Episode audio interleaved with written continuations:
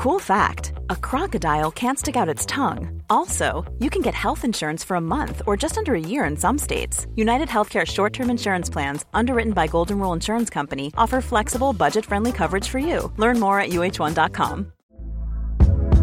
Hey there, it's Michelle Norris. I'm host of a podcast called Your Mama's Kitchen. When I travel, I'm usually looking for a way to find a taste of home when I'm not at home. And one of the things I love to do when I am at home is entertain. And Airbnb allows me to do that. When I was in California recently, I rented a house that had a great kitchen. And when we were sitting around the table, we we're all thinking, we're in someone else's house. Someone could be in all of our homes as well.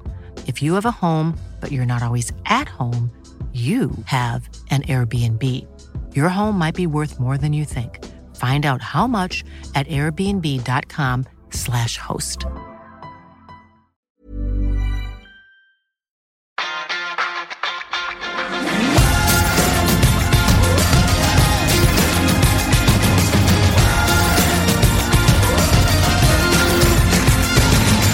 Can't believe it. Football, the hell. I mer enn 4000 strake førstelagskamper har en akademispiller vært representert i kamptroppen til eh, Manchester United. Fra Busbys første babes i Jackie Blanchflower og Roger Byrne til Duncan Edwards, Bobby Charlton, George Best, Ryan Giggs, Paul Scholes, David Beckham, Darren Fletcher, Marcus Rashford osv. Er du god nok, er du gammel nok. Og triumfen i FA Youth Cup markerte at Manchester Uniteds stolte akademi er up and running igjen som en av landets fremste talentfabrikker. Så hvem er det neste stjerneskuddet på Old Trafford? Og til å svare på det har vi med oss Fredrik Filtvedt som vanlig, og Håkon Aaberge. Hallo. Velkommen, Håkon. Takk skal du ha. Det er en ære å ha deg med, fordi du er en kunnskapsrik fyr som kan veldig mye om eh, Manchester. Vi måtte dra deg litt inn i studio her, men jeg gleder meg til å høre hva du har å si om eh, akademiet. Ehm, Du er ikke den jeg kjenner som reiser oftest til Manchester, men du er definitivt den som er der lengst av gangen. Jeg prøver å være der i kanskje to-tre uker, i alle fall når jeg først er der borte. Det er sterkt. Hvor, hvorfor, hvorfor det, egentlig? Eh, Jeg får jo ofte betalt for å reise over selve Mm. flyturen og sånt, eh, fordi jeg gjør et eller annet arbeid for supporterklubben. Og når jeg Mm. først da er der, så kan jeg jo jobbe derifra og sånt òg. Så Mm. da kan jeg like godt bare være der en stund, og så får jeg med meg en del fotballkamper. Jeg har er vært der. Du, du har jo studert der. Jeg har vært der, eh, Det lengste jeg har vært der, jeg var én uke, og det tror jeg aldri gjør igjen. Og så ser du ikke bare United-matcher, Håkon, du ser jo mye annet. Ja. Eh, hva er rekorden? Hvor, hvor mange kamper har du sett på én tur? Jeg tror rekorden er på en 12-13 kamper på en tur. Ja. Det er sterkt. Du reiser ikke hjem litt sånn fotballmett da? Eh, jo. Ja. jeg merker det gjerne på tiende kampen at eh, nå gleder jeg meg egentlig til kampslutt. Ganske tidlig kamp. Og hvor mange av de kampene er Premier League, og hvor mange er lower divisions? Eh, det er ofte Kanskje halvparten har et eller annet med United å gjøre. Mm. Eh, ikke nødvendigvis A-lag, det kan jo være akademi, som jo skal snakke om. Mm. Eh, men òg kanskje halvparten vil være lavere divisjoner. Mm. Og hva er det laveste du har sett? Litt usikker. Jeg tror jeg har sett på nivå ni eller noe sånt. En eller annen lokal kamp i Manchester. Moro. Der er det fortsatt ekte engelsk fotballkultur. Det er det jo. Du skal snart uh, over igjen. Uh, får du sett noe akademifotball da, Håkon? Kanskje. Uh, kan hende jeg får sett Uefa Youth League-kamp mot Galatasaray, for nå er vi med i den turneringen igjen siden vi er i Champions League. Så skulle jeg egentlig på IFL Trophy-kampen borte mot Bolten, men nå ble han plassert samme dag som United Crystal Palace i Mm. Lia-cupen, så da ryker nok sannsynligvis den. Det er jo dette vi skal snakke om i dag. Eh, Manchester Uniteds eh, akademi. Eh, vi har fått veldig mange spørsmål, eh, Fredrik, i løpet av podkastens første eh, halvår eh, på om vi kan lage noe om hvem som blir det neste stjerneskuddet eh, på Old Trafford. Og det er det vi skal gjøre i dag. Eh, først så må vi snakke litt om hvordan Uniteds akademi har eh, reist seg igjen, fordi eh, det har eh, ligget med brukket rygg i, i flere år. Etter at en viss skotte trakk seg tilbake. Nå er det oppe igjen. United har gjort en del grep, og vi skal rett og slett få litt inside eh, førstehåndsinformasjon om hva som er eh, gjort. Eh, og så skal vi se på de, på de største talentene som nå befinner seg i akademiet. Ehm, men det er ikke bare bare lenger, Håkon, for det er litt vrient å få sett disse matchene hvis man ikke er i Manchester en to, tre, fire uker av gangen. Ja, En får jo sett U18-kamper og sånt på MUTV stort sett hver gang, da. Det er jo en fordel. Eh, U21-kamp er ofte litt vanskeligere. De, kan, de blir jo ikke vist hvis de kolliderer med en Premier League-kamp. Det er jo en eller annen merkelig, et eller annet merkelig regelverk der. Men eh, en får jo sett noen kamper i år uansett, da. Hva har du sett de eh, siste matchene til U18 og U21-lag, så har du i hvert fall ikke kjeda deg. Jeg leser opp eh, resultatene her. Eh, 10-1, 5-5, 4-0 og 4-1. Målrikt. Målrikt. Skal vi kjøre i gang, da? Kjør. Da kan vi. Ok, ehm, jeg syns det er litt viktig at vi snakker om hvorfor eh, akademiet er så eh, viktig for Manchester United. Det trekkes alltid fram som en av klubbens stolte tradisjoner. Eh, ikke alle veit eh, hvorfor. Det var jo en tid eh, for ganske lenge siden at en styreformann ved navn James Gibson forsto at United måtte tenke annerledes enn en byrivalen, som også da var best og rikest i, i landet. Eh, og Manchester United grunnla det som da skulle få navnet Manchester United Junior Athletic Club. Populært kalt Mujak. Dette er tilbake i 1938, og er på en måte forløperen til det som da skal bli Manchester Uniteds eh, storhetstid under sir Matt Busby. Um, han har jo to uh, gode medhjelpere der i Jimmy Murphy og Joe Armstrong, som leder dette juniorlaget til Manchester United til uh, seier i FA Youth Cup uh, de første fem sesongene. Det var ikke unormalt med 25 000 på juniormatch. Litt mer enn det det er på Lee Sports Stadium, er det det heter, Håkon? Lee Sports Village. Ja. Village stemmer.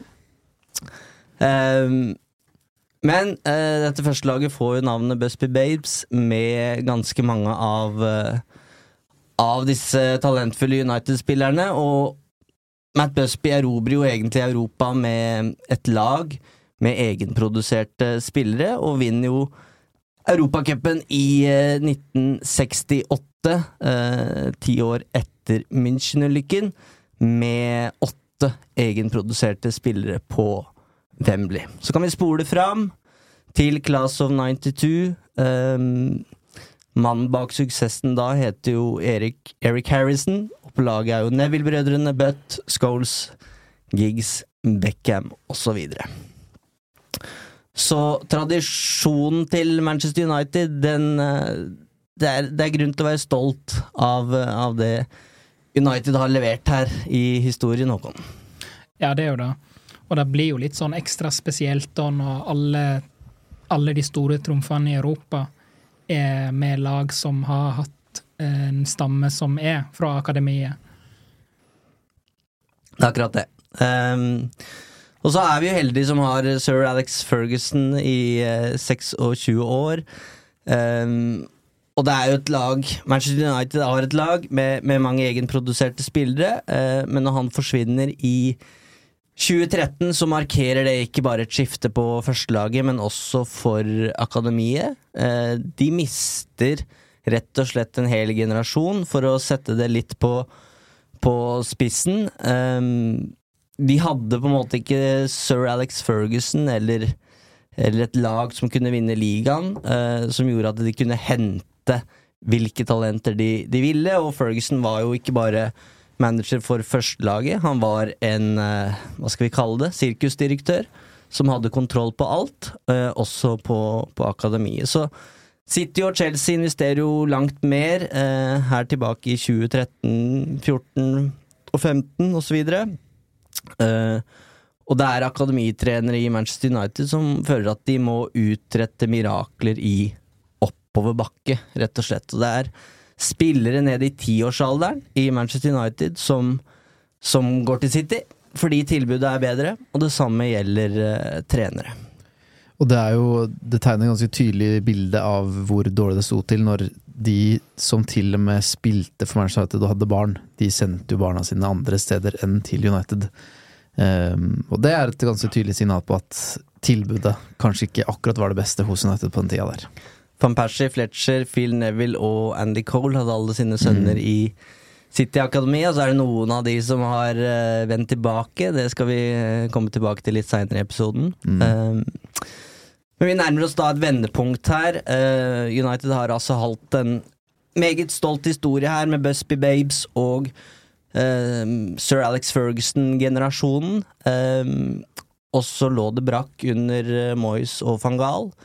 Og i 2016 så møter United Chelsea i FA Youth Cup.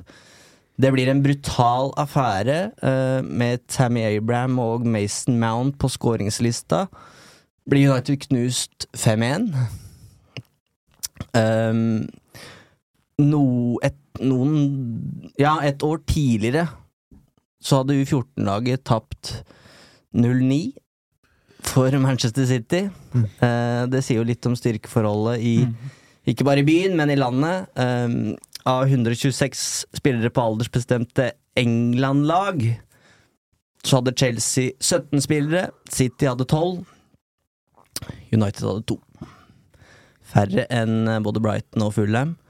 Så Manchester United slapp ganske enkelt ballen her, havna langt bak de andre, uh, men det er en 5-1 matchen eh, mot Chelsea. Det blir et eh, vendepunkt. Eh, Ferguson skal ha trappa opp på Carrington og spurt hva er det som skjer her? Mm. Eh, så United-ledelsen samler seg eh, etter denne fadesen mot Chelsea og bestemmer seg for å ta grep.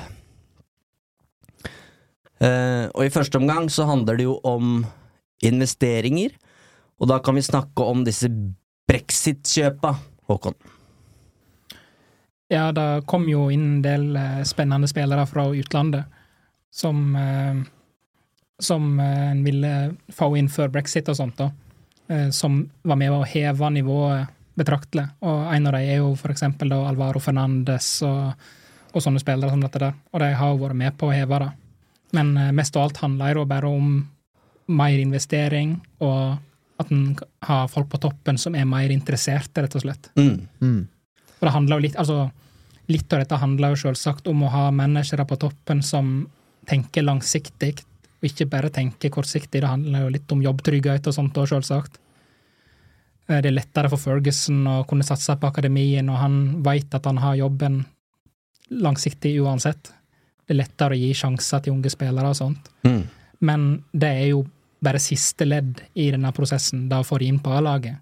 Det er mye som foregår før det, og der handler det om investeringer og om å få inn rett folk ja, for i enda større grad enn på førstelaget til Manchester United, så handler det jo om langsiktighet i et akademi, hvor en 16-åring eh, Det nytter ikke å liksom ha ett år, et, et, godt år da, fra du er 16 til du er 17. Du må ha minst fire fra 16 til 20, og da helst med de samme folka rundt deg, eh, for at du skal utvikle deg i riktig retning. Mm.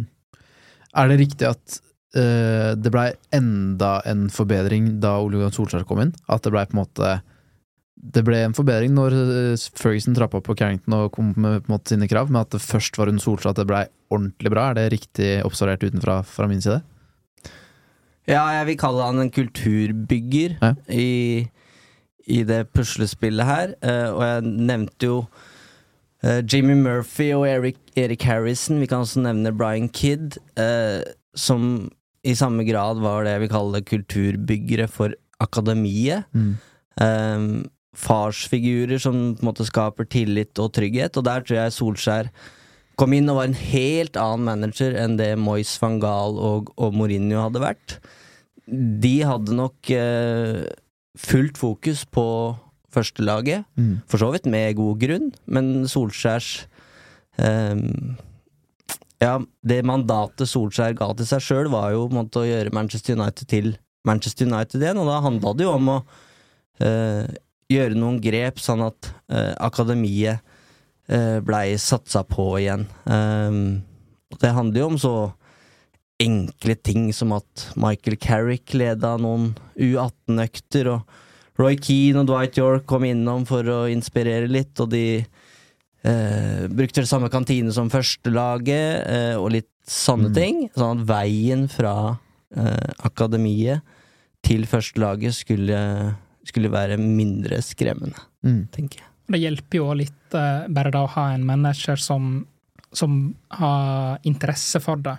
Altså, En hører jo historier om da når Mourinho var manager, om akademispillere som følte at han ikke ante hvem de var. Mm. Og sånn var det jo ikke under Ferguson. da Ferguson visste hadde jo full kontroll. ja, han hadde full kontroll på familien deres òg. Mm. Han visste hvem onkelen deres var. sant? Mens uh, det er nok litt da Solskjær kanskje bidro med der, da. Mm. Selv om jeg tror uh, det, det har skjedd viktigere grep enn at Solskjær var manager. Men eh, jeg tror han hjalp til på den veien, han òg, ja. Jeg tror han gjorde det han gjorde, kunne gjøre. Mm. Ja, og så var jo Solskjær spiller United på en tid der han selv skolerte Danny Welbeck, og det fins jo disse videoene av van Nistelrooy og Solskjær osv., og, og Ronaldo ikke minst, som, som står med disse barna på den tiden da, og vi, viser dem triks og lærer dem ting. og Hvis det forsvant et sted på veien også, og det, det er ikke unaturlig at eh, managere som kommer utenfra, som Mourinho, for å ta ett tilfeldig navn, da, tenker førstelag framfor klubb. Men Solskjær og nå Ten Hag tenker jo klubb i en helt annen grad enn det forgjengerne gjorde. Så det gir jo mening, da. Men mm -hmm. det er jo et kjempepositivt tegn, selvfølgelig. En liten ting er jo òg En ser jo stadig vekk nå når U18-laget spiller på Carrington, så ser en at eh, A-lagsspillere står og ser på litt. Og da føler jeg har blitt mer av nå de siste årene. Det Mm, virker mm. bare som det er litt, mer, litt tettere bånd der, og litt mer interesse fra, fra spillerne òg. Hvem er det du har sett eh, som har vært og sett på kamper, da? Eh, det Altså, Maguire har vært der ganske mye. Mm. Um, Bruno Fernandes har vært der og sett en del på. Men det er egentlig ganske mange spillere som Mm. jeg har sett der. Men ofte så ser du ikke det så godt, da, fordi at du ser kanskje bare litt sånn på avstand Mm. eller noe, og Mm. MUTV viser kanskje bare sånn et kjapt Mm. klipp av en A-lagsspiller eller noe. Men, eh, men det er alltid da, noen der. da får du saken på united.no uansett hvordan det går. U21-laget vant foran Bruno Fernandes. Men tenk, bare tenk deg hva det har å Ja. si, da.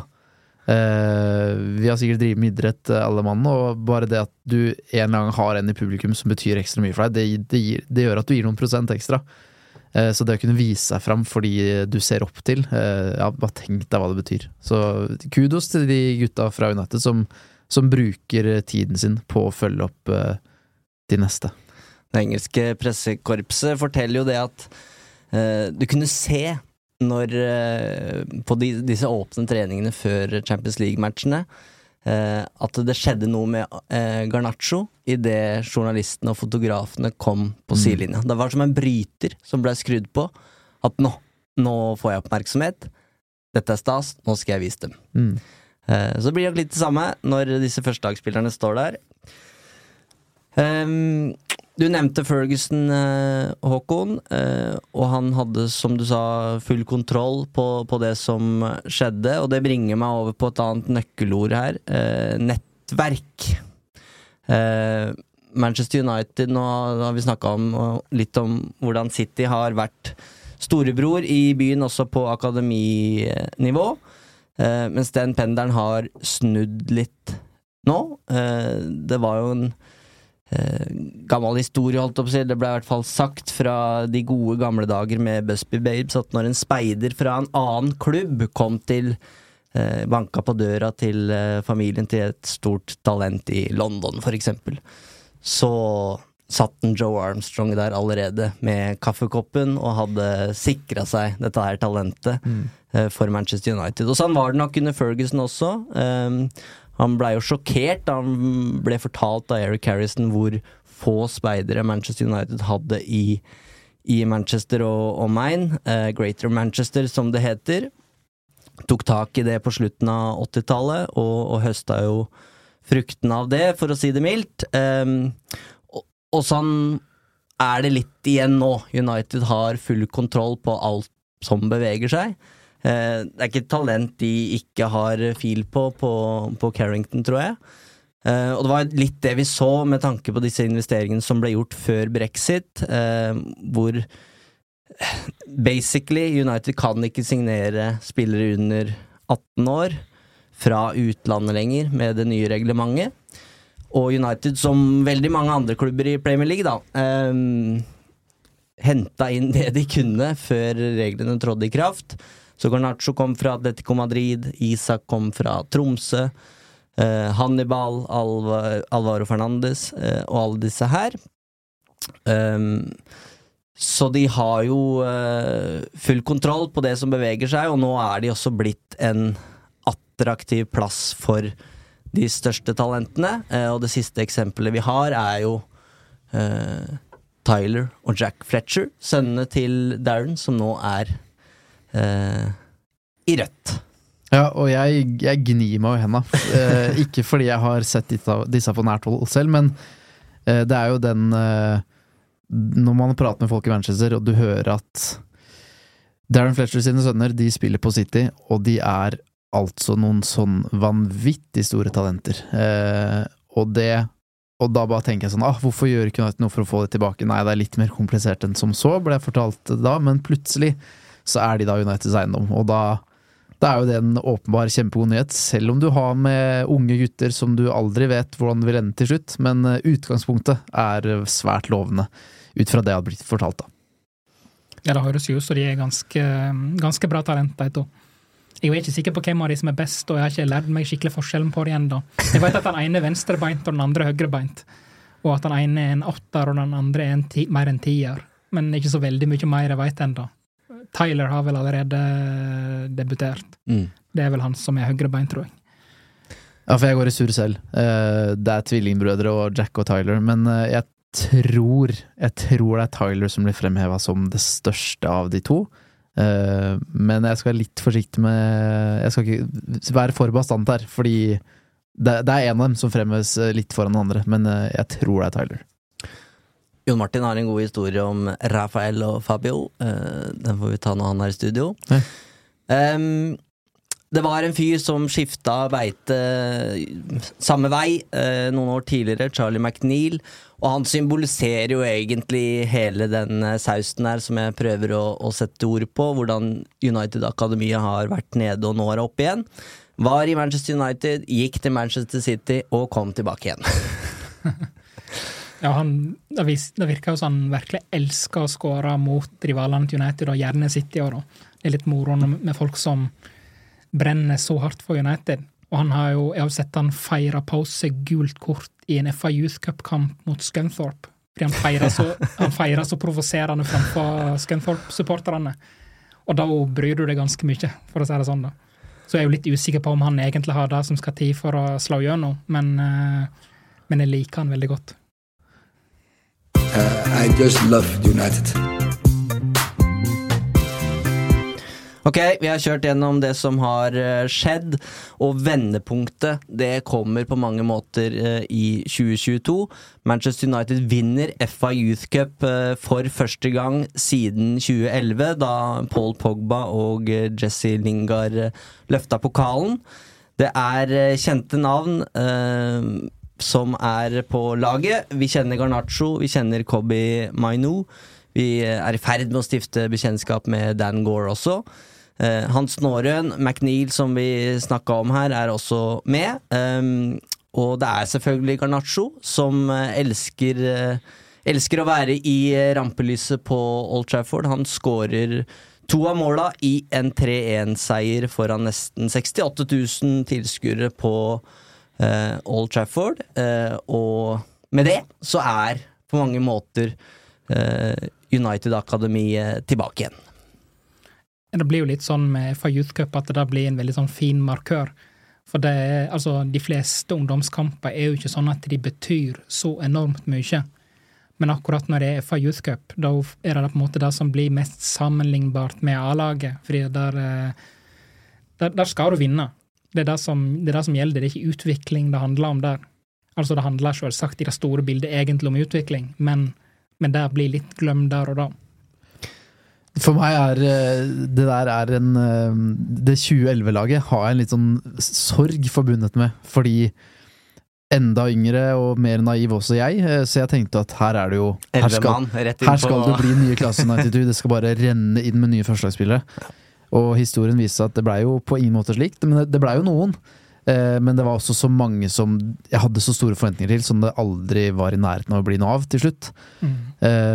Så da de vant i 2022, så tok jeg altså meg selv p- bli veldig glad på den vegne og synes det var veldig gøy, men også bare prøve å distansere meg fra det, for at ikke jeg skulle få altfor store forhåpninger til altfor mange samtidig.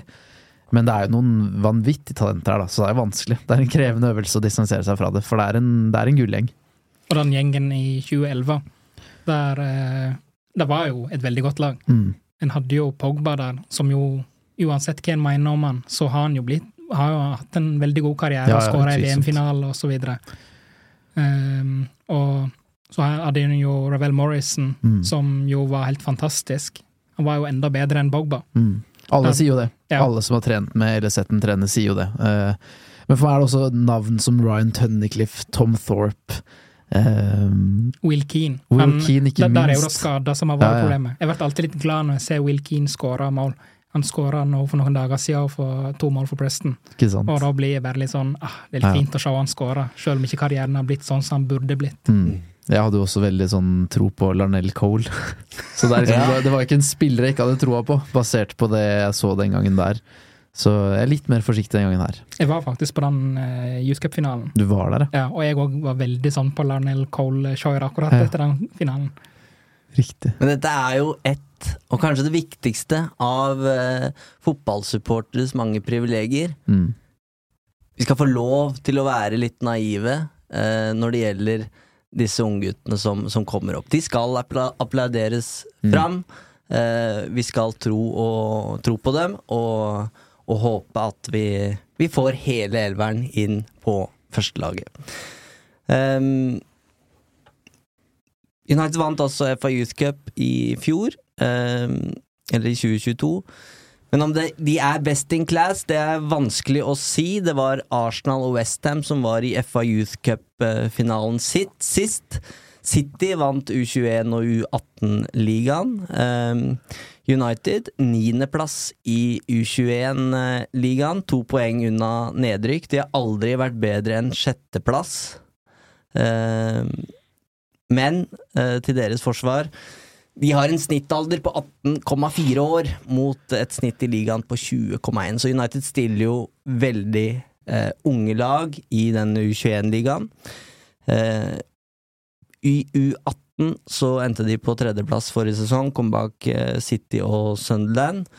Og de røyk da ut mot Stoke i fjerde runde av FA Youth Cup, og det var jo en eh, Det var en skuffelse. Eh, men og, det er jo vrient, det her, fordi vi skal vekte to, to ting her. Det ene er utvikling, det andre er resultater.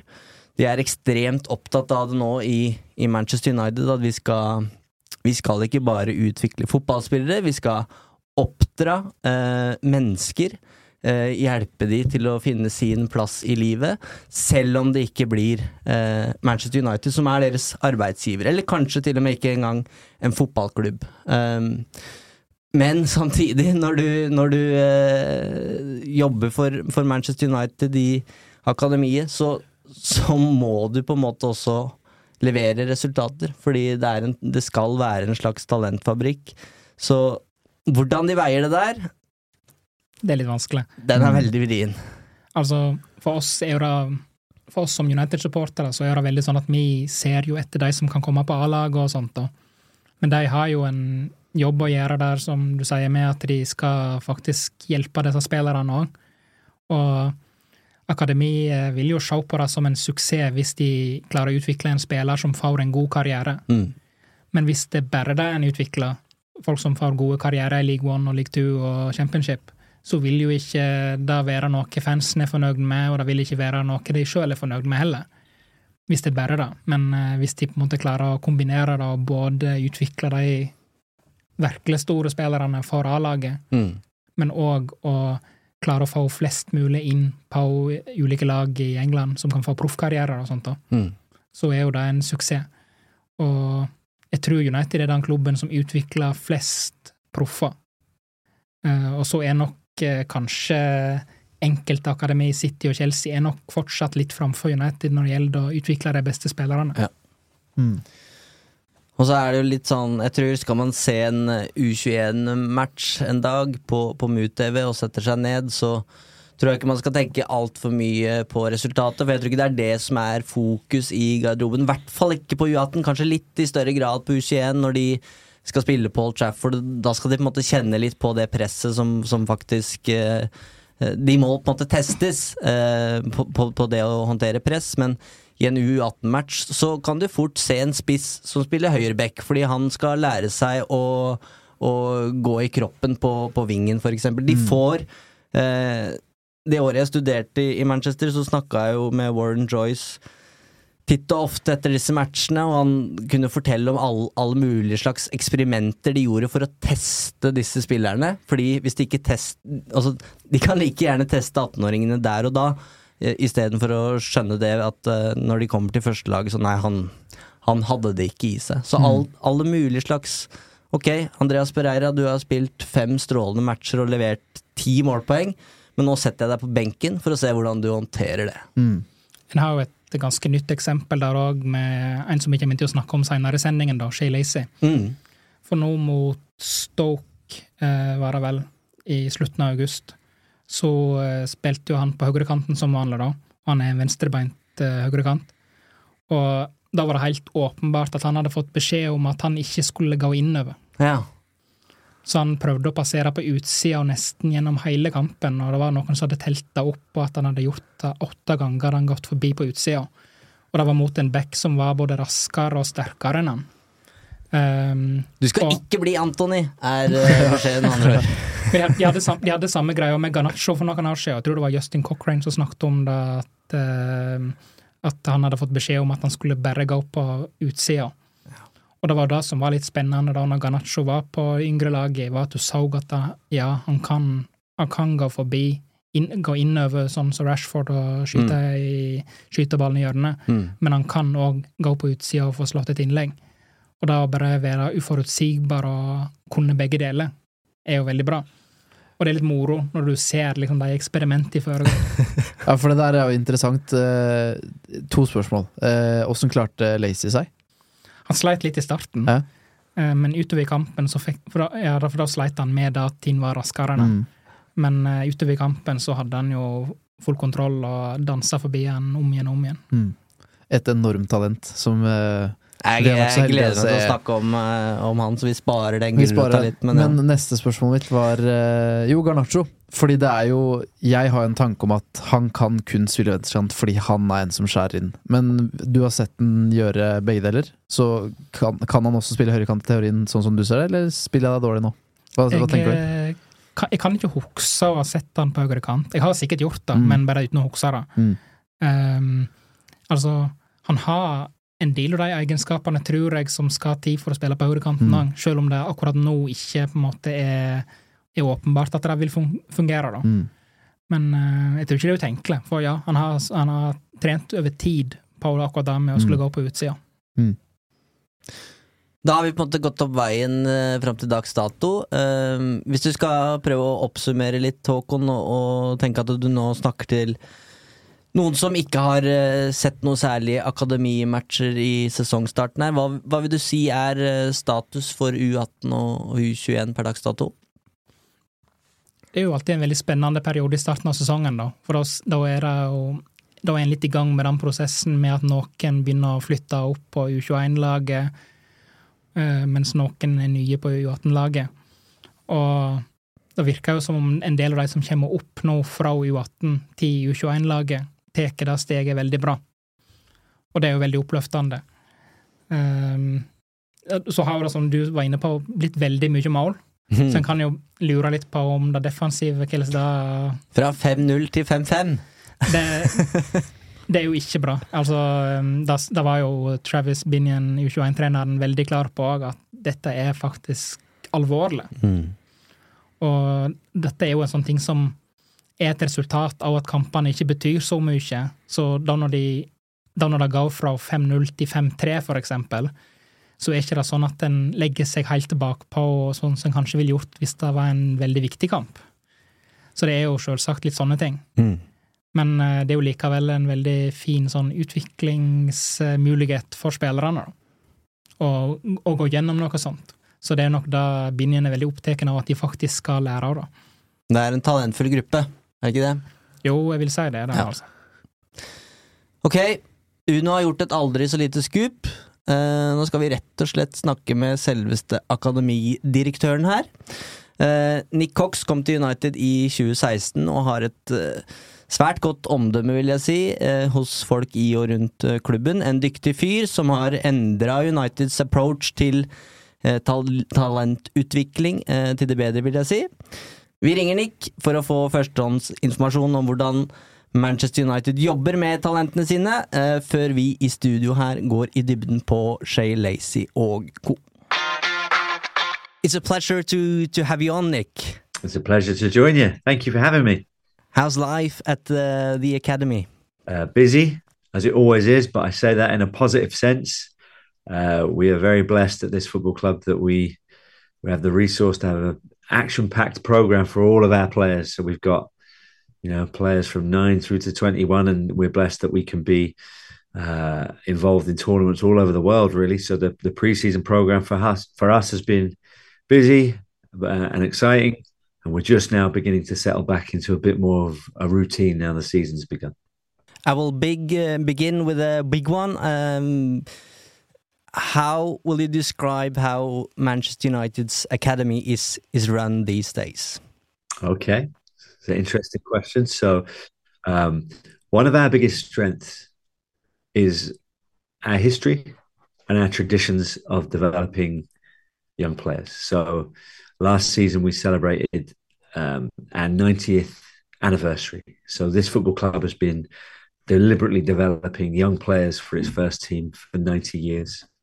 And we know that along that 90 years, the youth program has featured on our greatest achievements and in some of our darkest days. So I immediately think of the story of Munich, young players that helped this football club recover from Munich. And then I think of some of our most successful days. Well, when we've won big European competitions or we've won the Premier League, there would have been a core of young homegrown players at the heart of of those successes. Uh, and so the youth program is intrinsically weaved into the history of the football club. Our fans have a great interest in our in our young players and our youth program in a way that I don't think is replicated at any other football club in the world. And so when we design the program in the modern day, we have to make sure that everything we do is befitting of what came before us. So I like to think that right now in the present day, all of our players understand the history of our football club. All of our staff understand the great privilege that we have to carry on the legacy of Jimmy Murphy and Sir Matt Busby and Eric Harrison and Sir Alex Ferguson. And we know that, you know, traditionally we're a humble environment that has hardworking young players that express themselves and play with creativity and play to entertain, play to win. So there's a lot of historical stuff that sits in our program. But the challenge is this: um, if you spend too much time thinking about the, the past, you end up becoming old-fashioned. So at the same time as having to think about um, our program reflecting the past, we also have to remind ourselves that we're preparing players for the future. So we're preparing. I have a nine. If I have a nine-year-old player here, I might be preparing them for the game in 10 years' time, 15 years' time. So we have to be quite modern in our approach as well. So if you were to spend some time with us here at the Academy, you would definitely see lots of tradition, but equally you'd see lots of innovation. And again, that's a, a great quality of Manchester United is we've always been innovative. We were the first team into Europe. We were the first to have a youth program. We've always been the first to do things and to do things differently. So you'd see quite a modern approach. You would see our young players supported by uh, not just coaches, um, but but other disciplines, and that's probably the biggest um, change to the program in my time here. Is we've started to think about at the right time, can we offer the boys better athletic development? Can we think about how we support them psychologically? Can we involve technology and data? Can we think about um, performance analysis and using video footage to feed back to young players? Can we make sure that our staff are experts in how a young person's brain develops? Can we make sure that the technology we, and equipment we use to review games and, and deliver training sessions is is forward thinking and, and future thinking? So I, am proud of where we're at. I think our, our program is a, an exciting one to be part of, and you know, as I briefly mentioned in the introduction, the Premier League brings us great resource. So it means that we can have a program that's really, really exciting and inspirational and magical for our young players, in that we can take them places and do some things that they'll remember for the rest of their lives. Yeah, and the most magical place uh, in the world would be the Theatre of Dreams. And how do you prepare a teenager to perform at Old Trafford, one of the biggest stages in football? I think I'll start by just reiterating the point that you made. It's a really magical place. Um, there's nowhere like it, I don't believe, for young players to have to try and make a debut. It's an inspirational arena, but it's also the toughest arena. We're a, a big club with a spotlight on us. The Premier League, I believe, is probably the, the toughest league in the world, the most watched league in the world to try and support a young player to be able to not just survive but thrive in that tough environment is not an easy thing to do. The challenge is getting harder for us. So we have to always think about what is the challenge of playing in our first team. Well, you're going to have to be athletic and robust. You're going to have to be technically um, excellent. You're going to have to be an amazing character to deal with the pressure and be able to show resilience and be able to be flexible and adaptable and make sense of the chaos. Um, and you've got to be brave. You'll be really brave to go and play at Old Trafford. So we have to make sure that our program slowly exposes our players over time to some challenges that are really difficult. All right, we've got to kind of stress them out a little bit along the way. And when I say stress players out, we're not making life harmful or hurtful or unpleasant. We just, I would refer to it as what we call a high challenge, high support environment. So we take our young players and we all agree we're going to go and try and do some really difficult things, play against tough opposition, play in difficult competitions, try new skills, train at really high intensities. We're going to try difficult things, knowing that sometimes it will go wrong. But actually, when things go wrong, that's fine because that just helps us to refine and improve and think about how we might face that challenge if if we were to go and experience it again.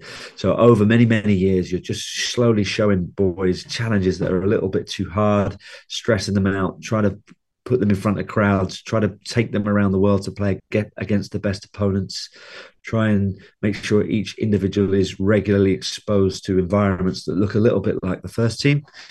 Um, so by the time the first team experience comes, they should have seen and felt some things that look a little bit like it and they're ready for it. They can cope for it. I'll give you some good examples. Uh, the FA Youth Cup final a couple of years back at Old Trafford, 67,000 amazing supporters came to watch the boys. That was a great way of preparing our players for what it might be like to play in the first team. Um, we took some young players to San Diego this summer where they played against Wrexham obviously a, a senior side of a lower league, but still a huge challenge for them. But what surrounded that game was all the razzmatazz of Man United in terms of the, the, the media coverage and the and the crowds and the attention that was on them. And so that was another experience that was just preparing them for what the real thing might look like. Um, nothing quite replicates what it really is to play in the first team, but we've got to try and slowly close the gap as best as we can. Um, one of the simple methods of closing that gap is for our boys to actually have a go at regularly training with the first team manager and his staff. And we're lucky that that does happen. Our manager will regularly take the boys um, to work with the first team group and to play with our senior players. Um, and so they have little experiences like that along the way before they eventually then, in their own right, become a member of that squad on a on a permanent basis. Quite a few fans wants to know all there is to know about our very own Isak Hansen Åren. Uh, we've seen him in action uh, at the first team. Uh, where will you say he is at the moment in terms of his development, and what do you reckon about the future? So uh, he's a very good player because Manchester United only has very good players. All of our players are wonderful players with with high potential, and, and Isak, um, you know, is is is in that category. I'm always really cautious at this football club about putting a spotlight on certain individuals um, because I believe there's enough pressure at this football club that if we add extra pressure, it can only disrupt the development that a young player is is going through. Uh, but you use the word development. Isaac is at that point where he is a developing young player who has aspirations of establishing himself in the first team. There's a number of landmarks that he's got to strive to achieve. You want to train with the squad. You want to maybe make a debut. You want to make your first start. You want to try and get a, a run of games together. And I believe that for all young players, you know, you got to think about how do I, how can I get to 50 senior games? And at 50 senior games, then you can really say, right, this is my career, this is my job. So Isaac is a high potential player. Uh, all of our young boys have work to do to try and establish themselves in our squad or in our first team. Um, and we we're, we're, proud of his achievements so far. He was part of that Youth Cup winning team that we talked about um, earlier. Um, uh, and he featured in that that youth cup competition and he played in front of the 67,000 all of our games are, are, on MUTV so I'm sure a lot of your um, your listeners are, are, watching games and I would encourage them make your own mind up because it's that's part of the fun is watch the games. If you're ever in the country come and see the 18s and the 21s play. Watch the games on MUTV and um, pick the players that you think are, uh, are the ones that might go on that journey to be an established first team players and make your own minds up because that's all part of the fun, all part of the fascination at this football club is seeing those journeys unfold over time. Yeah, and one of the most recent successful journeys has been the one um, of Alejandro Garnacho. Um, can you share some thoughts on on uh, on his way into the first team? Yeah, so I, I would suggest Alejandro is a, a, little bit further ahead than that group of boys that we were just talking about. He's ticked off some of the landmarks in that he's made a debut, made his first start, scored his first goal, um, managed to get a run of games together, has shown that he can be a starting player as well as just one that comes off the bench. Really, really proud of what he's achieving. I think he's got a great connection with the with the supporters. I think he's a when we talk about Manchester United tradition, part of our tradition is wide players that play with uh, you know, courage and bravery and enthusiasm, and they play to entertain, and they play with flair, and they play with creativity. So I think the fans have a connection with him because he's he looks familiar to things that we've seen in the past. Um, but I never take my mind away from the fact that he's still a young player and he actually has many more landmarks to go in terms of his own development and, and leaving his real mark. You know, this football club has had some of the greatest footballers ever to play the game have played for this football club, and every young player's ambition should be to follow in their footsteps. And he has work to do to to reach some of those levels of being able to say that he was a real legend of this football club. But we're proud of his progress so far, um, and and it's been wonderful to watch his journey. Um, you know, he was a, a, a, young player in our program that had work to do uh, and to improve and develop, and he did that. And then he had an opportunity to show the manager that he could improve under the manager's watchful eye. And uh, he's in a good place right now. But I'm excited to see what the next steps are for him. He got this breakthrough under uh, Erik Ten Hag. How involved is the first team manager uh, in the development of academy players?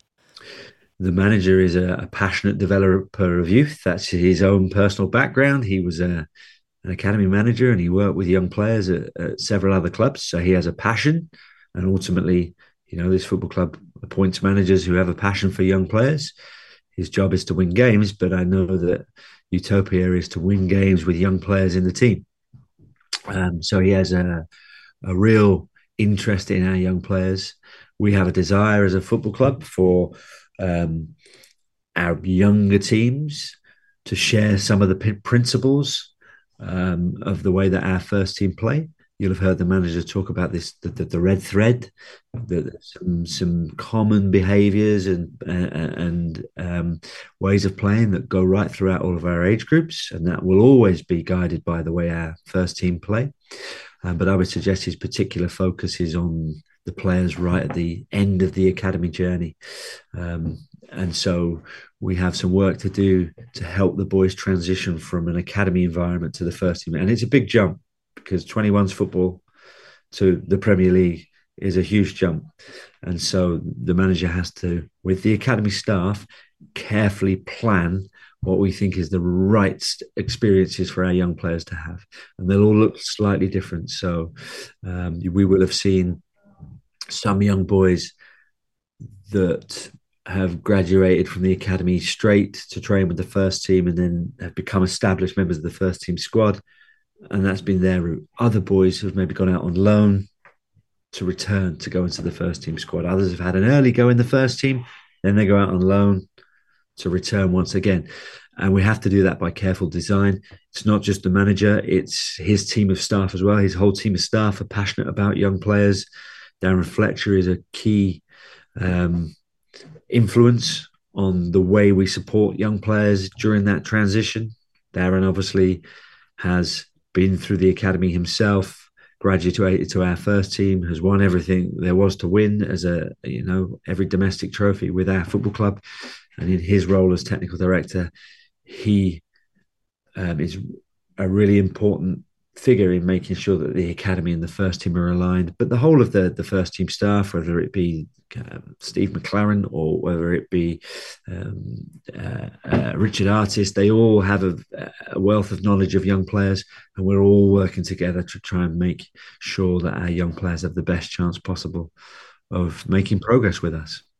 Yeah, and uh, Kabi Mainu is another one who, who who's had a uh, great progress in the in the academy in recent years. He really impressed in preseason before got injured uh, against uh, Real Madrid. Um, as Garnacho, his his development seems to have been quite rapid as well.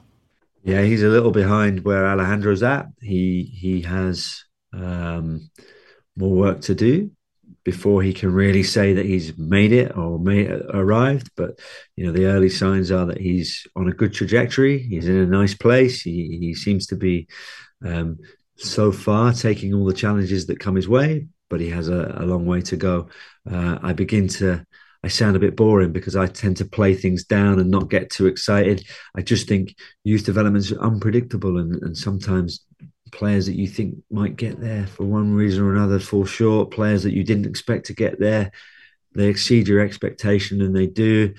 Uh, it's important we don't put young people on pedestals and and heap pressure onto them and heap expectation onto them. Um, young players need time, they need patience, they need nurturing. Their journeys will never be linear. There'll always be setbacks, and you'll see boys go through periods where they excel and periods where they find it difficult. Uh, our job is to be patient and for, for us to be flexible in terms of supporting them when their journey is going slow and kind of um, not getting too carried away when it's going well. So for Kobbie, um, yeah, absolutely. You guys will be familiar with him because you've seen him play through preseason. Um, but he's another one where we have to be patient and see how his season unfolds but uh, absolutely, the, the, you know he he has some regular exposure to our manager and his staff, and we hope that through their expertise that we will we will help support him to reach his full potential. And when it comes to potential, how do you assess potential? Yeah, it's not an easy thing to do, and the younger the player, the harder it is. Um, uh, we, certainly, when players are really young, I would suggest you're looking for um, three things. You're looking for them to have an outstanding quality. and it doesn't matter what it is. They might be a great dribbler, a wonderful passer, they might be competitive, they might be really quick. They're going to have something outstanding that sets them aside from other players. Character is important, particularly at this football club, but for all kind of people who are striving for high performance. You've got to have the right character, and I would describe the right character. I use the word spirit, but it's about being an excellent learner, being resilient, having an intrinsic motivation um, to want to improve and being in love with the game. I think you have to have that. You have to have character. And the Premier League is an incredibly athletic league. I think football in general is becoming more and more athletic as time passes, but the the the, the Premier League uh, is particularly athletic. So our players have to have athletic potential. I think it's really important that I highlight the word potential when we look at our young players we're not focusing too much on their ability to perform today, particularly at the youngest age. We're looking for the signals that will tell us that they'll be able to perform brilliantly in the future. So we're looking for, potential. We're looking for players with room for growth and room for improvement. Um, but character, athleticism, and outstanding quality. I mean, technique is a is a given. I think you have to be technically proficient. Um, but but they would be some of the things we're having discussions about but it's always about predicting where a player might get to rather than where they are today. And I think that's the important thing to point out about our academy program is it's really designed to help maximize the potential of individuals. The team is a vehicle to help individuals to improve. So I've got to make sure that every boy, I can look their family in the eye and say, if you join us, we're going to give you the best chance to to improve as a player and be the best player you can possibly be. They have to be competitive. They have to try and win. We like it when we win. Occasionally, we will win. We will win trophies. But more important than the team winning is individuals improving, and ultimately, our academy providing our first team with high potential young players that can compete on the biggest stage. So there's no point winning the youth cup if the individuals at the end of it aren't equipped to go and play in the first team the ideal world is you do both. You win a competition and you develop the individuals, but really you've got to make sure that the individual is your your your focus. I started with a big one, and I'm going to end with a big one. Uh, you say you like to play things down, Nick, but the FA Youth Cup that you that you mentioned there, uh, the the victory in in 2022, it was a milestone for the club. Um, uh, as you have, hadn't won it since 2011. Uh, what will you say is is the key factor in in the success of Manchester United's academy um, at the moment? Um, so, in terms of how we measure our success, we are looking for individuals that either play in our first team or play in the professional game across the country. And, and right now, we are the most productive academy in the country in terms of we're helping boys to earn careers um, either with us, so we've talked about some of those boys, or away from here. You'll have seen the likes of Charlie Savage move on to go and play for another team this summer. That for us is fills us with great pride um, and is a measure that we're doing a good job. Um, we will also look at how our boys perform academically. So it's important that our boys also achieve in school as well as at their football we will um, we hope that through the process of striving for excellence in their football lives, our boys develop a number of skills and they undertake some personal growth, um, which will support them for the rest of their lives in any job or any walk of life that they involve in. So we strive to make sure our, our boys are, are great people and that they develop as human beings and our other measure of success is the happiness of our boys. Is this a fun place to be? Is there joy? Are our boys falling in love with the game? Are they staying in love with the game? And are they going to play the game well into their adult life and take their kids to the football matches and, and play football with their kids in the park? So they're the things we're striving for. Um, what is the key to those successes? What makes us successful at those things? I would suggest um, is inspirational staff who care deeply about young people, who build brilliant connections with young people, and who understand that much as our young people love to play football, and some at the end of the journey will be footballers, um, that they realize that we don't treat them as footballers. We treat them Mm. as young people. They are young people, they're somebody's children. Uh, they happen to be high potential footballers, but our duty is to make sure that the program enriches young people's lives no matter how long they're with us for. If they're here for one year or Mm. 10, the program must be a wonderful addition to their life. And I think by taking that approach, by thinking about the young person, the experience and the process being a healthy one, that it should be full of joy, that it should be something that they look back on fondly with amazing memories. If you take that approach, the byproduct is you see lots of boys improve, make debuts, play football across the country, and you become successful. So I, I believe that's ultimately what makes Manchester United a little bit different. Maybe some of those things came from the days of Jimmy Murphy. Jimmy Murphy was about the young man and how we raise the individual, not just the footballer. Uh, and I think it's what makes us just that little bit different from from uh, from other football clubs. Is that the young people here? It's a wonderful learning environment, and we care about more than just football. And it seems they're having fun. The the goals are flying in so far this season. Both ends. uh, The week. Yeah, yeah. Thank you for a Yeah. very interesting uh, chat, Nick. No, it was a pleasure. Thanks very much. Uh, I hope it was uh, of interest to, to you and the listeners. I love this game! Woo! Ok, da skal vi legge disse eh, akademispillerne under lupen, én etter én. Og da stiller jeg dere bare et åpent spørsmål som eh, har blitt en gjenganger i innboksen vår. Hvem er det neste Garnaccio? Nei, uh, Shay Lacy. Er det for kjedelig? Eller er det gyldig svar? Er du gyldig? Jeg fikk, ikke, fikk ikke responsen jeg ønska meg her, så jeg må spørre. Og jeg tror han er jeg, jeg tror kanskje han kan, han kan være den neste store. Mm. Eller ikke den neste store nødvendigvis, men en av de neste store. For Mm. han er jo tross alt eh, bare 16 år, da.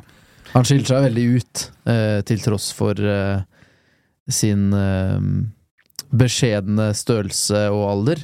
Mm. Eh, så gjør han seg jo aldri bort, og han eh, Uansett hvilken oppgave han blir satt overfor, så syns han behersker den og mestrer den. Og jeg, eh, jeg ser ikke hver kamp han spiller, men jeg tar meg og blir vanvittig imponert hver gang jeg ser den i aksjon. Eh, og det begrenser seg liksom ikke til YouTube-klipp og høydepunktene. Det er, eh, det er en pakke der som fremstår så vanvittig spennende og solid at det er vanskelig å se for seg at ikke det skal ende i noe bra til slutt, da.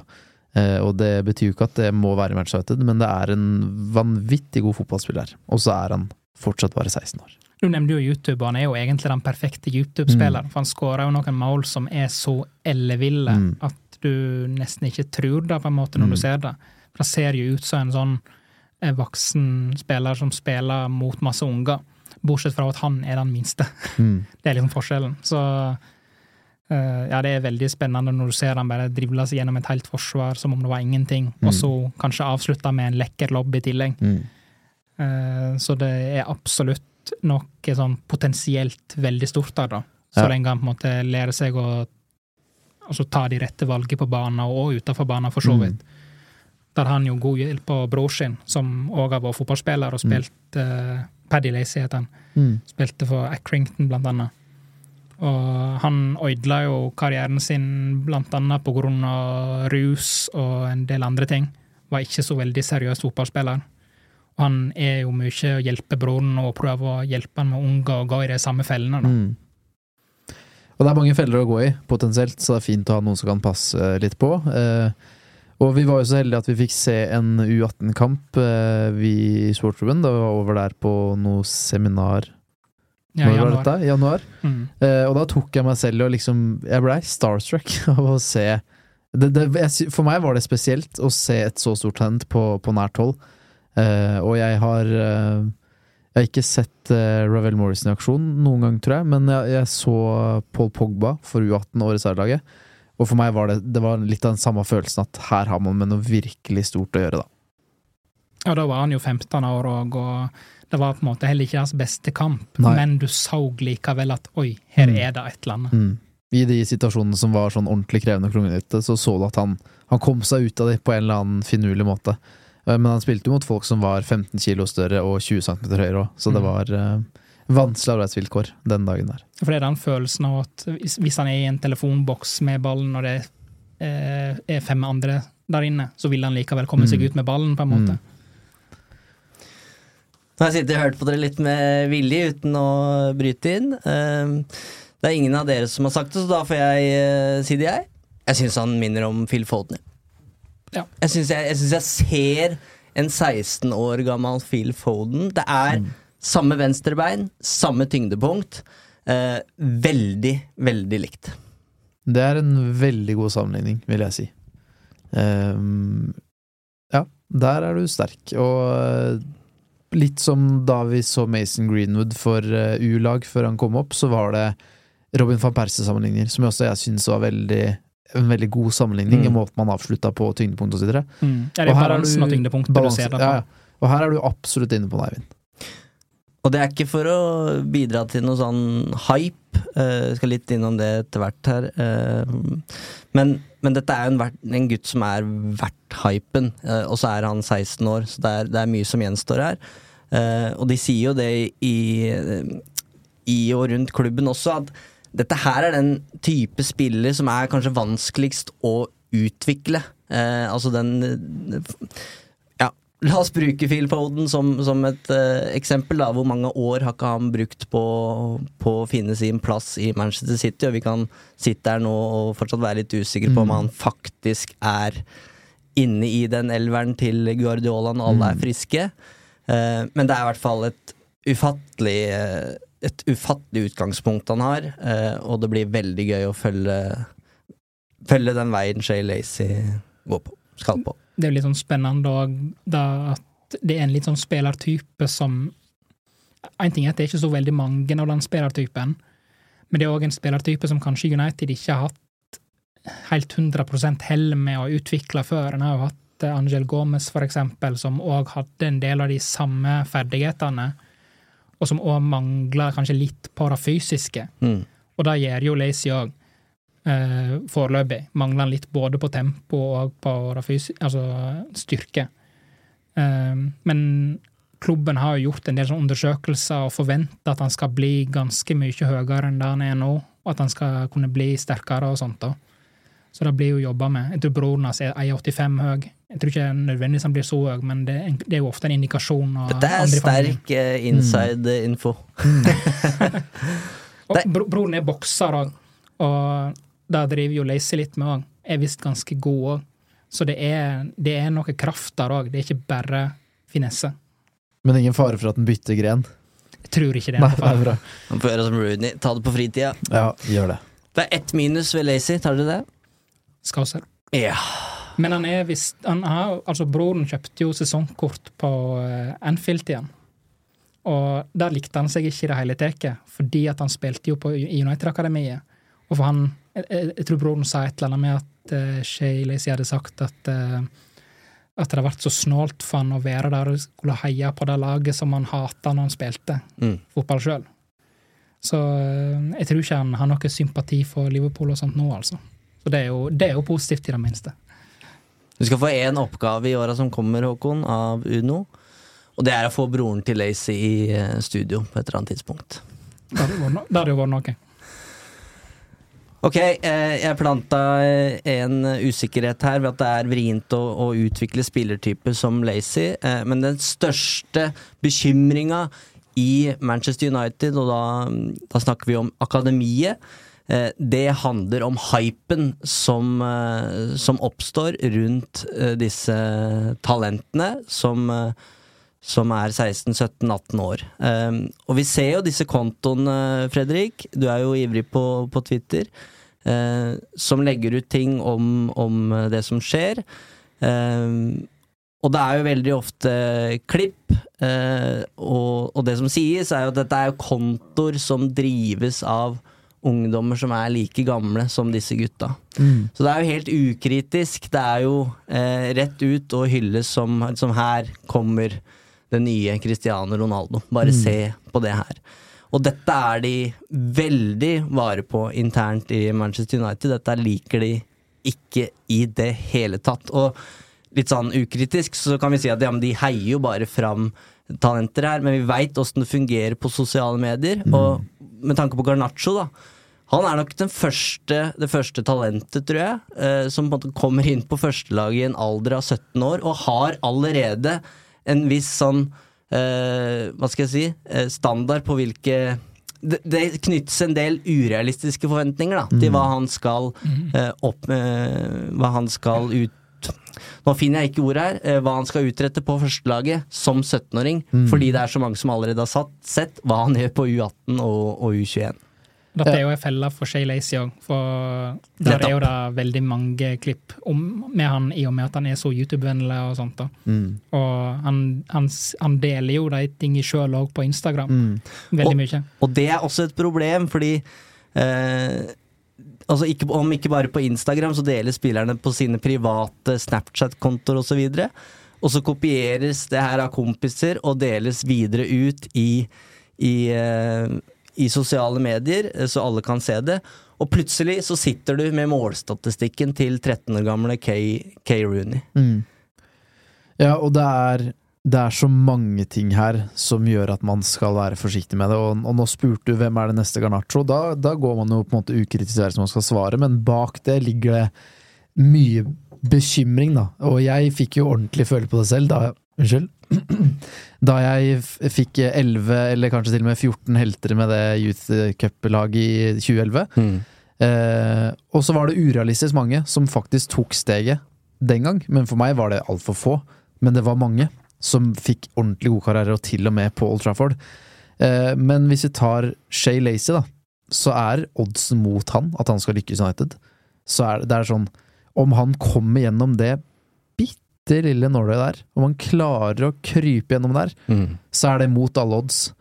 Og så mener vi her nå at han har, han har talentet til det, men talentet i seg selv er ikke nok i det hele tatt. Bare tenk alt annet som forventningspresset eh, er, Vi har med en ung ungdom å gjøre, altså. Det er så mange år igjen til han Og ja, det fins jo spillere som slår gjennom i 17-18, men bare her må man på en måte bremse og være realistisk. Og det, det sannsynlig utfall er at han, han får en god karriere, men ikke Manchester United. Det er det mest realistiske.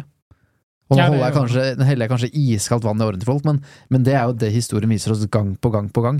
At det gigatalentet Jeg var helt 100 sikker på at Gomez han skulle herje på dette de neste 10-15 åra. Og han har en kjempefin karriere i Frankrike. Herja for England i U21-VM eller EM nå nylig. Mm. Men han var ikke i nærheten av å ta det steget på Old Trafford. Nei, det, det er vanskelig, dette der. Og da er jo, siden du nevner, nevner 2011-laget, så er jo da Ravel Morrison en gjerne bruker som eksempel. Da, da. At hvis, hvis ikke mentaliteten er, er der sånn må være for å bli en toppspiller, så hjelper ikke det at du er veldig talentfull. Og dette er jo unge gutter som primært søker sin støtte og sine tilbakemeldinger hos venner og familie. Kanskje familie eh, primært. Og det vi gang på gang blir fortalt når vi prater med folk, er at de har som regel svært få som tar klubbens parti, da. Cool fact a crocodile can't stick out its tongue. Also, you can get health insurance for a month or just under a year in some states. United Healthcare short term insurance plans, underwritten by Golden Rule Insurance Company, offer flexible, budget friendly coverage for you. Learn more at uh1.com. I'm Sandra, and I'm just the professional your small business was looking for. But you didn't hire me because you didn't use LinkedIn jobs. LinkedIn has professionals you can't find anywhere else, including those who aren't actively looking for a new job but might be open to the perfect role, like me. In a given month, over 70% of LinkedIn users don't visit other leading job sites. So if you're not looking on LinkedIn, you'll miss out on great candidates like Sandra. Start hiring professionals like a professional. Post your free job on linkedin.com/people today. Denne episoden er sponset av Hello Fresh. Nå som det drar seg mot slutten av en lang sesong, trenger vi United-supportere skikkelig næring. Med gode og ferske råvarer fra Norge gjør Hello Fresh det til en lek å lage de herligste retter fra hele verden. Du velger bare hvor mange som skal spise, og hvor mange oppskrifter du ønsker ukentlig. Så får du alle ingrediensene du trenger, levert på døra. Personlig syns jeg det beste med Hello Fresh er at du kan skreddersy din egen ukesmeny. Du kan velge fra fem forskjellige kategorier – vegetarisk, familievennlig, rask og enkel, fisk og grønnsaker, og smaker fra hele verden. Med 25 fristende oppskrifter hver uke kan du bli like uforutsigbar på kjøkkenet som Garnaccio er på Vingen. Selv må jeg si jeg er spesielt svak for asiatisk taco og den portugisiske kyllingburgeren. Som Uno-lytter kan du få opptil 1779 kroner rabatt på de seks første matkassene dine, og gratis frakt med første leveranse. Så det er bare å komme seg inn på lowfresh.no og bruke koden FreshUnited. Dette gjelder for de som ikke har prøvd Hello Fresh ennå, og for de som tidligere har vært kunde, men som har stoppet abonnementet for minst tolv måneder siden. Mm. Det er en heiagjeng som forteller at om du har blitt benka eller satt ut av laget, eller de har sagt sånn eller satt i den posisjonen der, så er, er det klubben som er idioter. Det er ikke du som jobber hardere, og du som har tatt deg den tilbakemeldingen. Da er det herre min, er det mulig? Tenk å si noe sånn. Det blir veldig sånn Så du, det, er, det har nok veldig mye å si også hvordan du blir fulgt opp der hjemme, da. For når alle andre er problemet, og det aldri er deg selv, eh, som jeg tror er en felle mange går i, da. Mm så, så, er det ikke så rart at det går du, du, jobber ikke hardt nok over lang nok tid. da. Du, når, du tror du når toppen altfor tidlig, og det er også faren med disse høydepunktene og forventningene som settes. Ja. Du vil ikke kunne leve opp til det, og du blir også superstjerne litt for tidlig. Du vokser en stor sosial konto, eller medierkonto. Eh, du blir hylla av alle og enhver, og så er du god på Manchester United U18. Du har ikke oppnådd noen verdens ting ennå. Og Det er ikke rart at dette er kjempevanskelig, og den mentale øvelsen du skal gjennom også, med bare stå på i fire år til, og så føler du selv at du nærmer deg. Skjønner at det går gærent på veien, eh, men det er bra United. Ha mer fokus på å oppdra mennesker også, og ikke bare fotballspillere. Det er helt nødvendig. At det er den viktigste fasen, vil jeg si. Den Absolutt. delen der du utvikler deg fra å være et talent til å på en måte få den rette mentaliteten mm. til å kunne faktisk slå gjennom. Mm. At du ikke blir for høy på deg sjøl, at du mm. ikke blir at du ikke tror du har gjort jobben, mm. bare fordi at du har fått en eh, debut for A-laget til og med. Mm. Jeg, dette er et sånt tema som jeg virkelig sånn brenner for å engasjere meg i, fordi jeg selv har slitt sånn vanvittig med nerver på fotballbanen. ja, Du skulle jo bli den nye Solskjær, du, så du veit jo hva du snakker om her. Ja, men jeg, jeg, jeg, kunne, jeg hadde ikke blitt fotballproff, men jeg hadde i hvert fall uansett ikke hodet til å bli det. For jeg har vært altfor nervøs. Så jeg har vært sånn, Hvis jeg prater med en fotballspiller, så er jeg alltid sånn veldig interessert i sånn Åssen er det med deg og press og nerver, hvordan, hvordan håndterer du det? Og tenk på alle de vanvittig gode, eh, ferdigutviklede fotballspillerne Manchester United har kjøpt for hundrevis av millioner som bare faller totalt igjennom, fordi det er helt annet press og omgivelser og forventninger til deg mm. som de bare bukker under for, som de ikke er i nærheten av å håndtere. Og vi tenker sånn ah, han var ikke så god likevel. Jeg tror det veldig ofte sitter bare oppi hodet. Ja. Eh, og da kan du tenke deg hvilken reise og hvilken mental tøffhet de gutta er nødt til å bygge opp for å kunne få karrierer på Old Trafford. 50% handler om talent, 50% handler om huet. Altså det mentale sier eh, folk som kan mer om talentutvikling enn mm. Eh, meg. Og da, da, hjelper det på en måte ikke at du herjer på U21-nivå, hvis du ikke takler det å gå ut av spillertunnelen på Old Trafford og lese avisene dagen etter. Og så er en ting press. Det er nesten blitt et sånn litt utslitt uh, uttrykk i den debatten her. Men det handler like mye, tror jeg, om uh, hvordan du skal leve som fotballspiller, for det er dritkjedelig. Mm. Eh, du må ha en del rutiner for at du skal for, for at du skal um, klare å holde følge, og det kan du nok gjøre fram til, fram til du er 20 år, men da, da må du leve som en profesjonell fotballspiller, og der har vi eksempler nylig i Manchester United på at de, de både har klart å, å, endre livsstilen til enkelte, og andre eksempler på at de ikke har klart det. Mm. Og det er, det er kanskje et fy-fy-navn jeg nevner her nå, men ta Erling Braut Haaland, da. Som jeg tror er gjennomprofesjonell i absolutt alt han, renser jo vannet sitt hjemme. Ja, han er sikkert i overkant av hva du trenger å være òg, da. Men bare søvnvaner og rutiner og Jeg kunne like gjerne nevnt Cristiano Ronaldo, da. som jeg nesten tipper eh, var Haaland sitt forbilde på dette området her. Eh, så hører vi historier om eh, unggutter i United nå, i Asdalen, og som har vært der, og som er der, som ikke legger seg tidsnok. De sitter oppe og spiller TV-spill med kompiser og lagkamerater til sent på natt, og møter opp på trening uten å være uthvilte. Da er det kanskje ikke så rart at noen av lagene yter noen prosent mer Mm. eh, på trening hver eneste dag og i kamper, og at det viser seg tydelig på tabellen når sesongen er slutt. Da. Eh, det høres ut som små bagateller, og så vet eh, Det er ingen altså, Søvn er ikke er undervurdert. Ja, søvn er viktig. Eh, Og det tror jeg vi småbarnsforeldre også kan merke litt på, at det er enkelte ting det skorter på etter hvert, når du er på underskudd på søvn over lang nok tid. Syns du er veldig våken i dag, ja? Ja, det var dine ord. ja. Ok, vi lovte lytterne en uh, spenstig liste her med de største talentene i Manchester United, og nå sitter vi bare og snakker om at uh, alle er eh, hypa. Vi spiller ned vår egen podkastepisode her, men vi skal, uh, vi skal gå videre fra Shay Lacy etter hvert, og det er ikke noe tvil om at dette er talentfulle fyrer, men det hører så med til debattene her. Eh, hvilken rolle sosiale medier og timillionersoverganger millioners overganger for 16-åringer Hvordan det påvirker eh, mekanismene her. Fordi eh, det er de opptatt også internt i, i Manchester United. Eh, og du snakka om nåløyet, Fredrik, og jeg kan fortelle deg hvor, hvor trangt det er.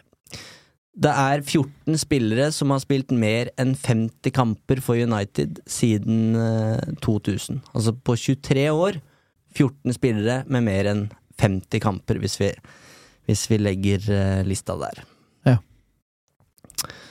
Trangt, med andre ord. Veldig trangt. Mm. Uh, Apropos nåløye og sånn, så kan jo jeg òg si noe om Jeg undersøkte litt for noen år siden, etter United vant FA Youth Cup i 2022. Så undersøkte jeg hvor mange av spillerne som har vunnet FA Youth Cup for United, som egentlig har slått gjennom. Og det er totalt 116 spillere som har spilt for United i FA Youth Cup-finaler som United har vunnet. Og av disse 116 så har 68 faktisk spilt tellende kamper Mm. for United. Og 25 av dem har spilt 50 eller flere kamper. Og det høres ut som gode Mm. tall. Det er jo en imponerende Det er jo imponerende mange, syns jeg, da. Mm. Og så er det av de 68 så er det kanskje Ryan Tunnicliffe som fikk det ene innhoppet i den Lia Cup-kampen, eller altså sånne scenarioer, da. -hmm. Eh, og da prøver jeg ikke å ta noe bort fra dem, men det er jo mange av de som da på en måte ikke var i nærheten av å få en karriere der, men som Ja. likevel fikk gode karrierer andre steder. Men jeg syns det var et imponerende høyt tall, da. Det skal litt, sies. litt av det er jo selvsagt fra de som vant på 50-tallet, og som Ja. ble veldig viktige på det laget på 60-tallet og Mm. sånt òg. Ja, og vi har jo fått et spørsmål fra Soy Pablo på Instagram. Hvor stor er egentlig avstanden fra U21 til, til Premier League? Eh, og vi har jo ganske ferske eksempler på, på hvor stor avstanden er. Fordi mm, forrige sommer så var det, ja, la oss bruke ordet hype, da, rundt eh, Iqbal og, og Charlie Savage. De er nå i Utrecht og, og Reading. Um, Ja, jeg, jeg liker jo egentlig begge spillerne, altså både, for å bruke de to eksemplene, da. Savage og Iqbal. Men, men de, var, de ble litt haussa opp fordi at de fikk sjansen i preseason, og det handla jo mest om hva, hva trengte Ten Hag akkurat da, av, av ungdomsspillere. Det var jo ikke sånn at de var dominerende i akademiet. Så jeg hadde ikke tro på noen av de to i det hele tatt. For det var ingenting de hadde vist for U18 og U21 som tilsa at de kom til å bli Premier League-spillere. I alle fall ikke med det første. mm. Eh, Så noen ganger kan det være litt sånn urettferdig òg, med at, en, at det blir litt feil spillere som blir haussa opp, da. Fordi Mm. de vil jo kanskje se ganske bra ut i preseason. Fordi de virkelig kommer til å gi alt for å imponere. sant? Mens eh, tempoet på resten kanskje ikke er helt optimalt da etter sommerferien, og de er stinne av trening osv., sant? og det ikke betyr noe. Men det syns jeg er eh, interessant at du sier, fordi idet de to gutta Eller idet gutter blir tatt med på preseason eller spiller treningskamp mot Leeds på Ullevål, så, så antar man at dette er de beste, største talentene, og her har Ten Hag troa på samtlige.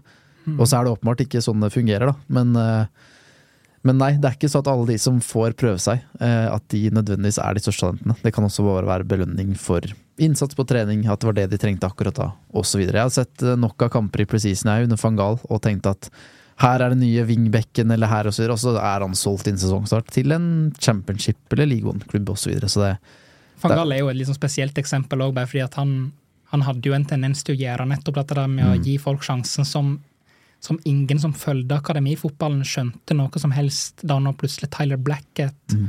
og Borthwick Jackson spilte på A-laget. Mm. For det var ingenting de hadde gjort som tisa at det ville fungere. Nei, Ehm, for de var jo ikke noe ekstremt store talent. ikke sant. Mens jeg som da ikke fulgte med på Mm. akademiet på den tiden, tenker at å, her kommer de neste Etter store som skjønte du tegninga. Det gjorde man.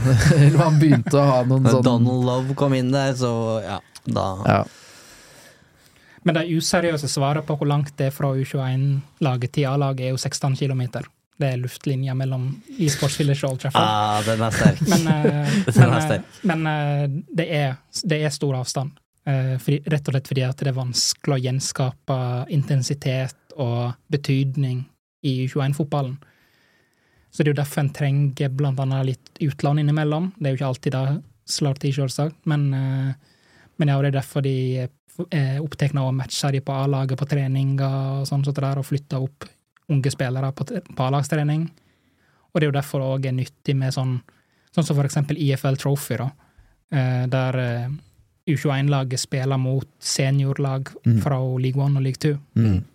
Dette er jo en, eh, den største debatten egentlig i akademifotballen. Hvordan forberede disse gutta på, på Premier League-fotball. Eh, United drar jo ofte på sånne internasjonale cuper når det er eh, pauser i, ter terminlista. Eh, arrangerer noen sånne miniturneringer med City og Chelsea og Liverpool og sånn innimellom. eh, hvor de møtes og har en, har en turnering.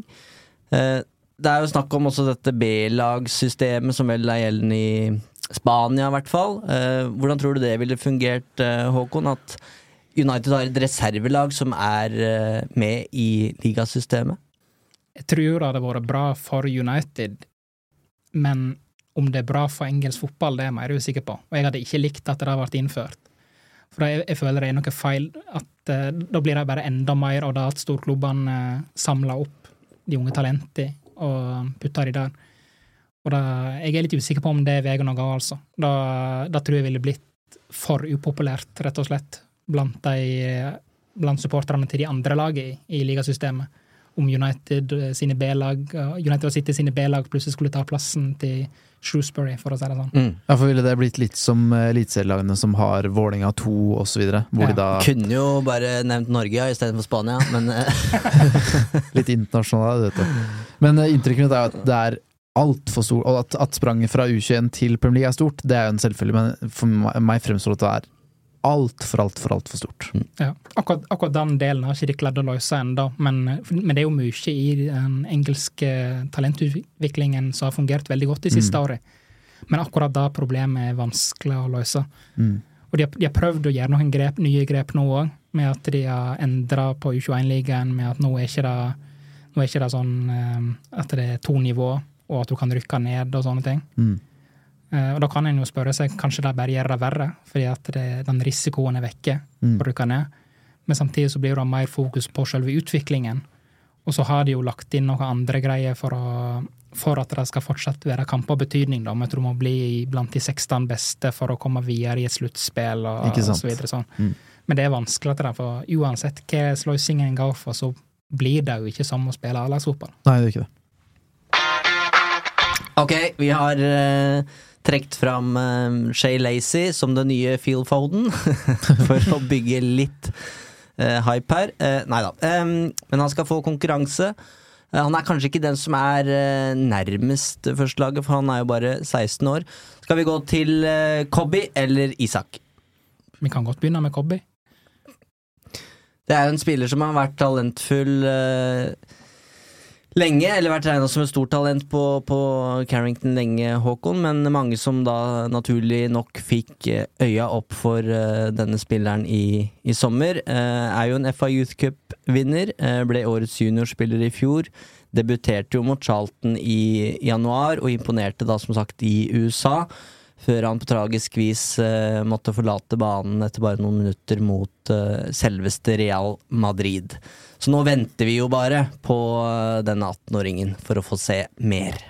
Ut fra det Ten Hag sa før Tottenham-kampen, så tenker jeg at det mest sannsynlige er vel at han er tilbake i oktober en gang, eller noe. Eh, Det er vi som tolker det Ten Hag sa, da, men eh, han sa det vel ikke rett ut. Men, eh, men ja, han er vel den åpenbare sånne Altså de, Hvis vi skal snakke om den neste Garnaccio, da, som vi snakket om i stad, så er jo han vesentlig nærmere enn Shay Lacey. Ja, for det ser jo ut som han bare har hele pakka, og har tatt nivået på, på førstelagsnivå her umiddelbart. Ja. Det er vanskelig å si hvor han ender opp egentlig med å spille, fordi, altså hvilken type midtbanerolle han egentlig ender opp med. Så det er jo litt av samme problemet som med Pogba. da. Eh, for Ja. han, han er på en måte både en åtter og det som Ten Hag ville kalt en sekser. Vil Mainu danke ut Casemiro, spør Magnus. Er det den rollen du ser for deg at han skal opptre i om eh, noen år, når han er eh, vår nye midtbanestjerne? Det kan jo være. Jeg tror de er litt usikre på det på Carrington òg, egentlig, hva han ender opp som, om det, er, om det er en sånn type rolle.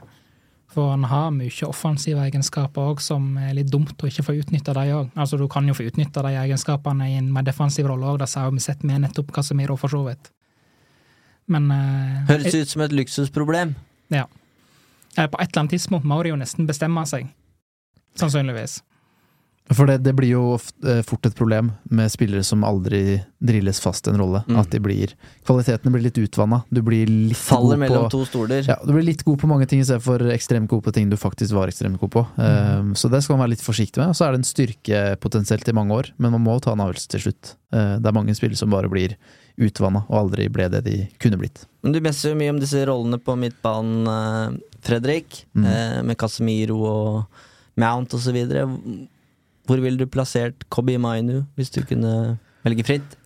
Eh, basert på det jeg har sett eh, i en Jeg syns han har så mange kvaliteter som passer så fint inn i en sånn sexyrolle, men gjerne med en som er eh, Som En som At han da spiller siden av en som er mer sittende enn han, da. At han får mer frihet til å vandre fram i banen i tillegg.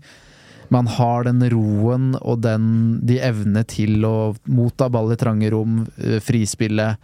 Han har så god evne til å beskytte den kula med kroppen sin. Eh, og så har han steget til å passere ledd også. Eh, men han er mer kreativ enn det man skulle tro en, med en sånn type spiller. Så det handler også om å ikke begrense de ferdighetene der, som sier Håkon. Men uh, jeg, jeg syns han kler den rollen veldig godt. Men veldig fint om han får frihet til også å få vandre fram, da. Ja. Jeg er litt sånn usikker på om han vil på en måte produsere nok målpoeng til at han vil fungere på et sikt i en offensiv rolle. Mm. Så derfor er jo det litt fristende å plassere han litt, mer, litt dypere, da. Mm. Men uh, nei, jeg, jeg, jeg liker han jo veldig godt som spiller, da. Jeg Mm. liker han, han minner ganske mye om Pogba sånn generelt. Eh, men jeg har et veldig godt inntrykk av han som person òg. Jeg, eh, jeg, jeg, jeg snakket med han litt for noen år siden. Eh, Kjenner du broren hans? Nei, ikke i det hele tatt. Jeg, møtte han og Garnaccio McNeil utenfor Old Trafford etter FA Youth Cup-kamp mot Everton. Jeg tror det var kvartfinale eller åttendelsfinale eller noe, Mm. det året de vant nå. da. Og Mainu virka som en sånn fyr som bare har beina veldig godt planta på bakken, for å si det sånn. da. Så han tror ikke jeg Jeg tror ikke han blir noen utfordring når det gjelder dette, det, steget opp når det gjelder personlighet. Men eh, det, det er jo mye som skal til for at du blir en stor spiller på United midtbane, selvsagt. Så eh, det er jo ikke noe sikkert kort heller, men han er vel det sikreste kortet vi har akkurat nå. Ja, han er det nærmeste vi kommer akkurat nå. Mm. Og den sammenligningen med Pogba er ikke til å komme utenom når det gjelder måten han gjør ting på, hvordan det ser ut ute på banen. Og du, Eivind, sa noe jeg lo godt av eh, for noen episoder tilbake. En samvittighetsfull Paul Pogba, tror jeg du kalte den. En Pogba med samvittighet, det er faktisk enda verre. Men det er eh, Og det er jo de beste skussmål. Det er jo blitt sammenligna med en ung Paul Pogba. For det han leverte for eh, United på U-nivåer og reservelag, var jo spinnvilt. Eh, Det er jo noe med elegansen som bare blir veldig likt. ja da. Og, og det som du snakket om, med den evnen til å komme ut av trange rom Mm. med ballen og Ja, det, det er der den Pogba-sammenligningen kommer fra, da. Mm. Og jeg tror veldig mange lot seg imponere veldig av det de så eh, av Kobi Maino i, eh, i oppkjøringa. Eh, og det var på en måte bare det helt grunnleggende. Han bare toucha på, skrapa litt på overflaten og viste litt av hva han kunne. Så der bor det vanvittig mye. Og så sier det selv at han vil ikke kunne ta ut For det er også spranget så stort, da. Fra motstanden han møter i det hverdagslige til det å møte f.eks. Real Madrid. Så gikk han jo glipp av den opplevelsen, for så vidt. Eh, Men eh, han, det bor så vanvittig mye i han da, som gjør at det også er vanskelig å begrense forventningene sine. Nå har vi jakta Roy Keane og Paul Scholes i eh, ti år. Tenk om han liksom bare kommer opp fra egne rekker, og så har vi en hybridvariant der som Mm. eh, kan spille Paul Trafford de neste 15 åra. Det er lov å kose seg litt med den tanken. Um, ok, vi går videre til en spiller som har en veldig definert uh, rolle i Manchester United. Vår egen uh, Isak Hansen Aaren. Um, hvor langt unna førstelaget er Isak, tror jeg vi har fått en 50-60 spørsmål om. Det er jo uh, veldig vanskelig å svare på. Jeg tror uh, veien til spilletid i Premier League, den tror jeg fortsatt er lang. Men veien til A-laget er jo også kort, fordi han trener jo Han har trent periodevis fast med A-laget, han trener jevnlig med de. Eh, hver gang jeg har spurt om hvordan går det med Isak, hvordan gjør Isak det, fra folk som er tilknyttet klubben, så er det utelukkende positive tilbakemeldinger å få. Eh, han er en helt nydelig spiller å se på. Han også er en eh, Lager du en høydepunktpakke for han, så er det spesialtrekket hans er å dra luker. Han er helt enorm på det. En ordentlig kreativ spiller eh, med masse aura. Eh, og han eh, spilte jo senest i den eh, kampen mot Burnley bak lukkede dører, der United fikk eh, juling mot et voksent Burnley-lag. Der kom Isak inn som innbytter. Eh, og dette er jo Han får lønn for strevet. Han har stått på lenge, utvikler seg, får gode tilbakemeldinger fra trenerne. Og så røyk den preseason-turneen med førstelaget, den røyk på målstreken. Eh, men der var han sånn helt i skorpa. Eh, så han er jo nær førstelaget. I nærheten. Og så er igjen nåløyet er bare så trangt, og han konkurrerer potensielt med Uh, Han er jeg, jeg vet ikke hvor han er best, men han er jo vanvittig kreativ og bør på en måte spille på siste tredjedel et sted, Helst ikke ute på kantene, men han er god der òg. Så er jo egentlig en tierrolle han kanskje har størst potensial, men han også kan spille dypt. Ja, jeg tenker litt at det kan jo være at han kan utvikle seg til å bli en åtter. Det, er ikke, det er ikke godt å si det. Nei. Og det er litt av det Altså, jeg liker jo han veldig godt som spiller, og Mm. han er veldig behagelig å se på som Mm. spiller. Jeg kan fortsette med City-sammenligningen, jeg. Ja, det kan du. Det er jo David Silva. David Silva. Ja, Mm. sant. Ja, det er veldig likt. Det er ikke for å være flåsete, altså, men det er bare for å eh, Det er ikke alle som har sett eh, Isak og Lacey i aksjon, for Nei. å gi noen referanse på hva slags spilletype det er eh, snakk om. Jeg, jeg, tror, jeg tror folk skjønner at, det ikke at det er like gode. Ja, fordi det er jo den nye David Silva og like god, det, men her prøver man å tegne bilde av selve spillertypen, og der syns jeg også at du er, eh, er inne på noe. Og, eh, jeg Han- hadde det jeg skulle si, men uh, ta det, Håkon. Han, eh, han må jobbe med å bli mer produktiv når det gjelder målpoeng. Ja, for det er vel det, det, han, som, det, det er nok det som står på blokka uh, på tilbakemeldinger fra Ja. United-trenerne. Det er det nok, og det tror jeg han er klar over sjøl òg, at det må bli mer målpoeng. Og han har jo hatt en god start på sesongen når det gjelder akkurat det. da. Han, eh, altså Én ting er jo at han i preseason hadde målgivende på Ullevål. Det, Mm. det skader jo ikke det. Men uh, han, i den 10-1-seieren mot Stoke for U21-laget, så skåra han jo to, to flotte mål. Den ene er med venstre på volley. Ja, den er fin. Den er veldig fin. Ja. Uh, men, den men det første målet var veldig fint òg. Burde den drept påfølgende match mot uh, Sunderland på 5-4 der. Ja, det er det han burde. Mm. Uh, og da, da veit han nok sjøl òg at det- der skulle jeg ha skåra. Men der har du også det som blir enda vanskeligere for angrepsspillet, som skal ta steget opp. Du må nesten ha noen sånn helt elleville tall å vise til for at det skal være realistisk at du skal gå opp på det nivået der og produsere en tredjedel av det, en fjerdedel. Eh, og hvis du konkurrerer med Bruno, da, om spilletid, en Ja. spiller som spiller alt, eller Casemiro og dessverre for Isak, Kobi Maino, hvis det er den posisjonen skulle vært inn, så, så er det på en måte bare sånn Timinga er helt fryktelig for han. Mm. Og jeg har eh, fulgt han så tett så lenge at jeg har tenkt at ferdighetene med ball og mentalt så fremstår han så sterk, og han sier i intervjuer selv eh, at han blir på ingen måte nervøs. Han elsker å spille fotball. Ja. Så han, Virker har- veldig rolig. altså, han har jo hodet tilsynelatende til å lykkes her òg. Men så er det bare at det nåløyet er så trangt. Eh, og jeg snakka med Luis Pimenta, som eh, har vært eh, landslagssjefen til Isak. Som sier som, altså, Måten han prater om Isak på, og hvorfor han er kaptein. Måten han leser klimaet på. Når trenger spillerne å bli piska? Når trenger de å bli roa ned? Når trenger de ditten? Når trenger de datten? Og Pimenta sier bare at han får en fantastisk karriere. Han har en enorm karriere foran seg. Og han sier ikke i United, man bare sier at han har en enorm karriere foran seg. Og jeg prata med Brede Hangeland også, som reiste med eh, laget som spilte sluttspill. Og da ble vel Isak værende i United, fordi United ville ha med på preseason. Norge jobba knallhardt med å få med seg dit. Eh, han fikk jo først grønt lys fra United, og så trakk United seg, fordi de hadde behov for å ha med seg Isak. Og det er jo et kjempekompliment eh, til Isak, og så tror jeg han hadde veldig lyst til å spille en mesterskap også, men det er jo et kjempekompliment, da, når klubben din nekter deg å reise. Men alle jeg prater med, Brede Hangeland også, bare sånn vanvittig sånn positive. Ønsker ikke å legge noe mer press på den, selv om sitatene fra Pimenta, det er krutt. Det er eh, Men han sier det med en sånn sikkerhet som bare Han vet hva han prater om, da. Eh, Hangeland var veldig opptatt av at jeg, vet, jeg, skal ikke gi Isak noen råd, men det kommer til et punkt der du må bli matcha på et høyt nok nivå. Mm. Og nå føler mange jeg, at Isak behersker det nivået han allerede spiller på. Han kan fortsatt utvikle deler av spillet sitt som målpoeng, men at det er for dårlig matching ukentlig, da. Og det er et problem. Ja. Eh, og det blir det for mange. Du må matches høyere på et tidspunkt. Jeg tipper at han blir lånt ut i januar. Mm. Uh, at de ikke gjorde det nå i høst. Jeg hadde egentlig forventa det òg, kanskje. Men uh, Og jeg tror ikke det blir noe A-lagsopptreden for han nå i høst uansett. Men uh, jeg tipper det bare blir at de skal fokusere på det med målpoeng og sånt. Mm. Og så at han får litt seniormatching gjennom IFL Trophy. Mm. Og så at han da går ut på lån i januar. Ja, og jeg, jeg syns jo her jeg sitter og ikke vet noen ting, egentlig. Jeg syns jo det høres egentlig for lenge ut. Ja. At han skal være et halvår til i United før han får prøve seg på et høyere og mer voksent nivå. Mm. Eh, men så ble jeg samtidig fortalt at United har en veldig klar og positiv plan for Isak. Og da regner jeg med at dette har United og Isak en avtale om, og at den, den syns gjøres god ut, den planen som er lagt. Og da velger jeg å stole på det. Det er ikke vits at jeg skal sitte her og gjøre noe annet enn det.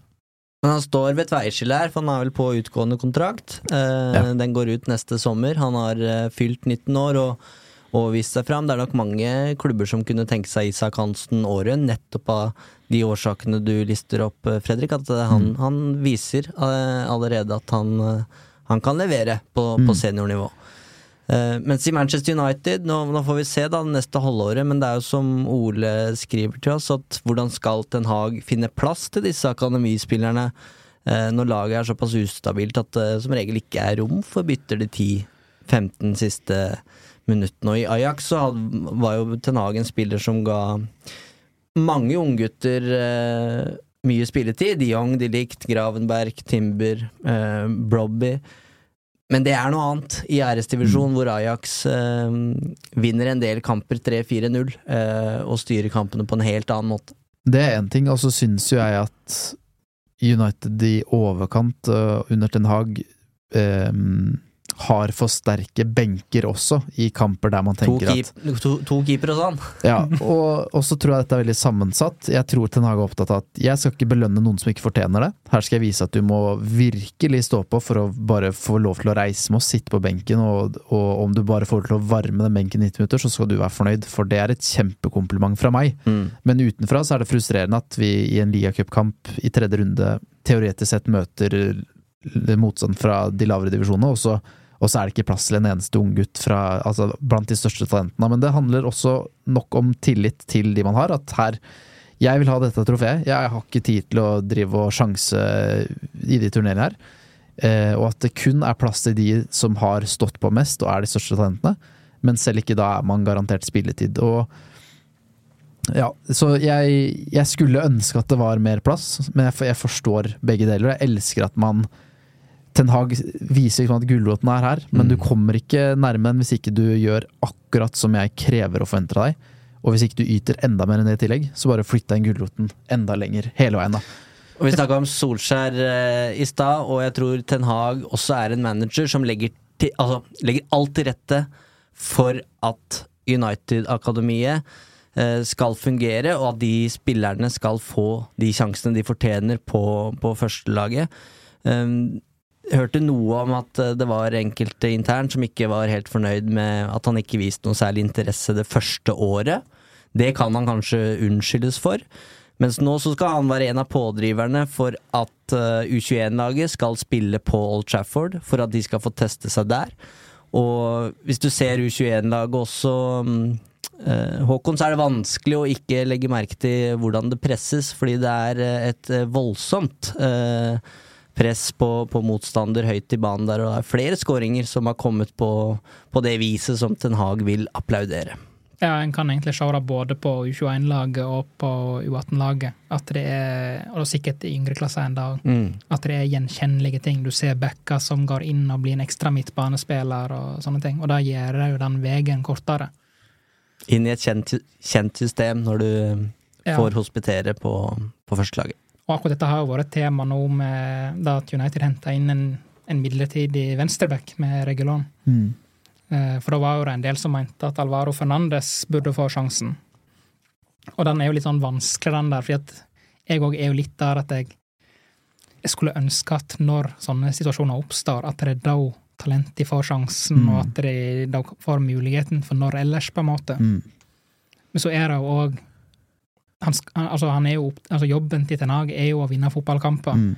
Og i Fernandes så snakker en jo om altså Alvaro Fernandes snakker en jo om en spiller som aldri på seniornivå har spilt vanlig venstreback. Mm. Han har spilt, altså I Preston, så, som han var utlånt i i fjor, så spilte han jo venstre wingback. Mm. Ja. Og da å gå fra å, å være venstre wingback på nivå to er ikke det Mm. samme som spiller på Old Trafford eh, mot Eller spiller på Emirates mot Mm. Arsenal, for å si Mm. det sånn. Men jeg også blir jo skuffa når Regulon kommer inn. Hvorfor kan vi ikke bare satse på Alvaro Fernandes? Men så føler jeg, hvis jeg skal prøve å sette meg i Ten Hag sin stol og han, gå i hans sine sko, så tenker jeg at basert på det Alvaro Fernandes viste i preseason, så fikk Ten Hag svar på at det holder ikke. Defensivt, og det er for slurvete, det er posisjonsfeil. Han fikk ikke de svarene han ønska, og der tror jeg han på en måte gjorde en ærlig vurdering. Og så frykter jeg litt at om Alvaro Fernandes hadde imponert veldig, så hadde vi likevel endt opp med å hente Regulon. Men da hadde jeg reagert kraftig på det. Her så tenker jeg at sorry, Alvaro, du er et kjempetalent, men du grep ikke sjansen når du fikk den, og så nådeløst er det. Da havner du enda lenger bak i køen, at det blir henta en nødløsning. Eh, Sykt kjipt for deg, men så brutal er den bransjen her. Og det er kjipt for meg som supporter, som syns han er et enormt talent, og jeg skulle ønske han fikk sjansen. Vi får bare håpe at han får sjansen en del nå i La Liga. Ja. Og det vil jo være altså Uansett om han spiller wingback eller, eller vanlig venstreback, Mm. så vil jo det være uansett eh, kjempeår for han hvis han får spilt mye der. Mm. Men så Fanga- er- ja, hadde ikke vært i tvil. Nei. Wingback eh, med strålende tall på juniorlaget, rett inn på laget. Ja, ja. Husker jo Jesse Lingard starta som wingback i serieåpninga mot Swansea. 20 Og rett ut på skade. Rett ut på skade, helt riktig. Og, og er det noe van likte, så var det å gjøre bytte på back. Dobbel dekning. Ja. All right, det sier litt om hvor uh, hvor lite det er nåløyet er, fordi Alvaro Fernandes er en solskinnshistorie oppi alt der. Mm. Eh, kom altså fra Real Madrid, valgte å reise til Manchester United og har hatt akkurat den utviklinga du kunne drømme om. Han har levert så mange målpoeng eh, som en veldig offensiv eh, wingback, og et godt utlån i, i Preston. Likevel så blir du veid, og du, du er ikke tung nok, for å si det på den måten. Ethan Laird hadde jeg også sånn kjempe Sa jeg det riktig, egentlig? Ja. ja. Ja. Uh, han også hadde sånn kjempeforhåpninger til neste høyrebekk de neste ti åra, og så er det bare Han har kjempeutlån Ja. Ja. i flere klubber. Men, Men skader skader har jo ødelagt der, men så er det sånn Med Dalot Van Bissaka i den aldersgruppa de også er i, så for Fernandes sin del òg, Malaysia og Shaw, som ingen Altså, Malaysia er vel fortsatt uh, under 25, vil jeg Ja. Ja, og Shaw er ennå ikke 30. Så det er noe med timingen her som skal Det skal bare klaffe på så mange plan, med skader eller mm. og, og når du får de minuttene, så skal du gripe med begge hender altså, for å få fornya tillit. Og det, det er Jeg, jeg, var, jeg var veldig stor fan av Ethan Laird, Mm. og det er, jo, det, det er nesten garantert, tror jeg, at han kunne tatt det steget hvis Mm. han ikke bare ble skada, bare han tenkte på en fotballbane. mm. Er det QPR han er i nå? Eh, nå er han i Birmingham, Birmingham, ja. Okay. og har blitt skada ganske Ja, tidlig. Et, et av våre banens beste de to første kampene. Litt housekeeping her. Uh, Malaysia er 24. Så den er, den er under. Jeg sa K. Rooney i stad. Det er selvfølgelig Kai. Kai. Kai Rooney. Du ser jeg har fingeren på triggeren. Du veit hva det betyr, eh, Fredrik? Ja, det sier jingle. Og jeg så du satt der eh, lenge òg, så jeg, eh, jeg bare dro den ekstra lenge med Håkon her, så du skulle få sitte og på innbenken. Nå må vi videre. Vi har snakka om Lacey Mainu og eh, Isak Hansen Aarøen. Eh, men det er flere spillere. Er det verdt å, å snakke om eh, Håkon? Ja, det er jo ganske mange, egentlig. Uh, Da kan du velge fritt. Jeg kan begynne med Ethan Williams. Han er litt uh, moro med akkurat nå. Han er, altså, han er en sånn spiller som jeg liker veldig godt, men så, jeg så tenkte jeg i fjor at ja, jeg liker han, men det blir en sånn klassisk spiller som jeg veit at ikke kommer til å bli noe på A-laget. Det blir bare en sånn akademispiller jeg liker, og så kan jeg følge karrieren hans. Men hva slags sånn. spiller er det? Han er en venstreving i utgangspunktet. Han kan spille på høyre òg, eller jeg har ikke sett han spille på høyre ennå, men han er veldig tobeint. Ja. Um, han hadde sin første sesong på U18-laget forrige sesong. Uh, prøvde seg litt som wingback òg, faktisk, og som vanlig back, men det var nok en del av det som vi snakket om tidligere, med at han fikk litt sånn utfordringer fra trenerne. For han er definitivt en, en offensiv spiller. Han er en som leverer mye målpoeng. Han starta denne sesongen på U18-laget denne sesongen òg, med å være involvert i alle fire mål i da når United vant 4-0 borte mot Middlesbrough. Ja. Eh, Det var vel to cornerer som var til de mål, og så var det, um, hadde han én skåring sjøl, og så, hadde, så skaffa han straffespark. Og da ble han ganske kjapt flytta opp på U21-laget. Det var kanskje planen uansett, men der har han òg starta veldig godt og har skåra to mål allerede. Og har skaffa to straffespark. Så han, eh, han starta akkurat der han eh, slapp på U18-laget. da. Det høres uh... Og han, jobb, han jobber veldig hardt da, forresten. Det, han er liksom ikke en luksusspiller, og det er det som er litt spennende der, da. Uh, Så jeg har fått litt mer forhåpninger nå om at uh, kanskje det ikke bare blir en sånn liten spennende akademispiller, men Ja. at det faktisk kan potensielt bli noe mer òg. Men det er jo fortsatt veldig usikkert, da. På U18-laget så er det jo en uh, Apropos hype, som har uh, stjålet overskriftene de siste ukene her, uh, Håkon. Gabriel Bianchieri. Mm. fyller 17 i september. Kom fra Cardiff. Var veldig mye medieomtale rundt den overgangen der. Det er ikke alltid man helt catcher hvorfor sånne ting skjer. Det kan jo være agentdrevet osv., men eh, hypen ble ikke noe mindre etter at den skåra i debuten. uh, og nå hadde han hat trick mot Reading. Ja, jeg syns han ser veldig spennende ut. og uh, Litt av det er jo det som, som er lazy, da, med at du bare ser at det er et eller annet med tyngdepunktet som bare er rett. Mm. Du ser i ballbehandlingen at han, han er i full balanse hele tiden. og nei, Jeg liker han veldig godt, altså. Veldig spent på om han nå kan bli en av de som vi snakker veldig mye om de neste årene. Det var mange andre storklubber som var interessert i han. Chelsea var blant annet veldig gira på han. Men det kan være at det gjorde utslag at United henta inn eh, David Hughes, som eh, jobba i Han var akademisjef i Cardiff. Ja. Ja, Han har blitt henta inn til United Akademi i fjor sommer, var det vel. Mm. Og så kan jo hende han trakk litt i noen tråder og, Mm. og fiksa dette der. Mm. Han ser- Han ser kjempespennende ut. og et veldig flott navn. Ja, ja. Ja. Men uh, spiller for Wales, da, så ja. Høres flott ut, da. kan, han har familiebånd eh, både i England og Italia, så han kan ende opp på andre landslag òg. Men, uh, men ja. Det er posisjon Manchester United har hatt ekstreme problemer med å få fram noe særlig førstelagsmat, og det er helt bakerst, på keeperplass. Forrige førstekeeper som blei altså Nå snakker jeg om førstekeeper som spilte flest kamper av keeperteamet en hel sesong. Eh, det var Mark Bosnich. Og han Riktig. kom jo ikke rett opp engang, han var jo innom eh, Chelsea først. Eh, Hvis jeg ikke tar feil. Ja. Um, men nå, Håkon, er en fyr som vi uh, gleder oss litt til å se her. ja, du tenker vel på Eli Harrison. Stemmer. Han er jo en veldig underholdende spiller. Det er ikke alltid du forventer det fra en keeper, men han er, det virker som som han går inn i kamper med en innstilling om at det er en skuffende kamp hvis han ikke får slått en tunnel. Eh, eh, altså, Så dette er eh, ha, Onana, hardcore Onana, rett og slett? ja, det er egentlig det. Han får nesten Onana til å se litt sånn konservativ ut. uh, og altså, det er jo noen roller i roller en ikke har lyst til å ha, noen som er altfor uortodokse i, eksempel keeper eller barnevakt.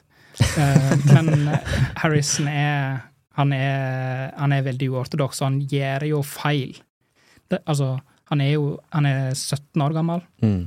Blir ikke 18 før i februar-mars eller noe. Og har jo nett begynt å spille på U21-laget nå. Og da kan du jo ikke forvente at han skal være en sånn type spiller og ikke gjøre feil. Så det er veldig himmel og helvete med han. Mm. Der er det en, eh, en sånn sjelden presence, syns jeg, da, og en sånn vanvittig selvtillit hos en ung keeper. Mhm. Eh, det virker som han bare hiver seg ut i alt for å lære.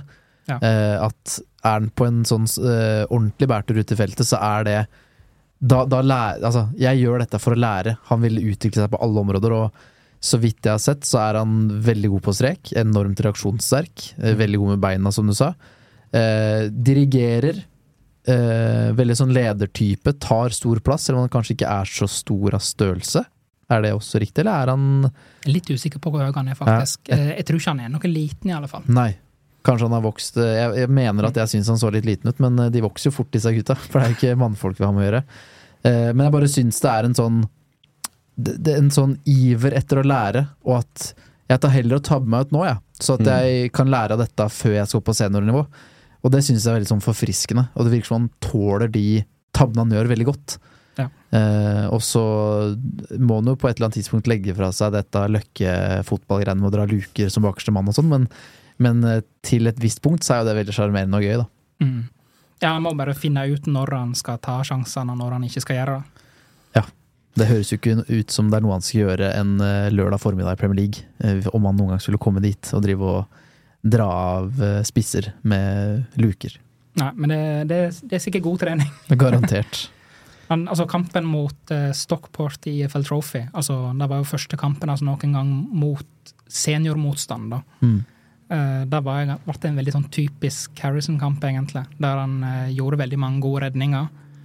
Uh, hadde en Cruyff-vending ut av en tøff situasjon.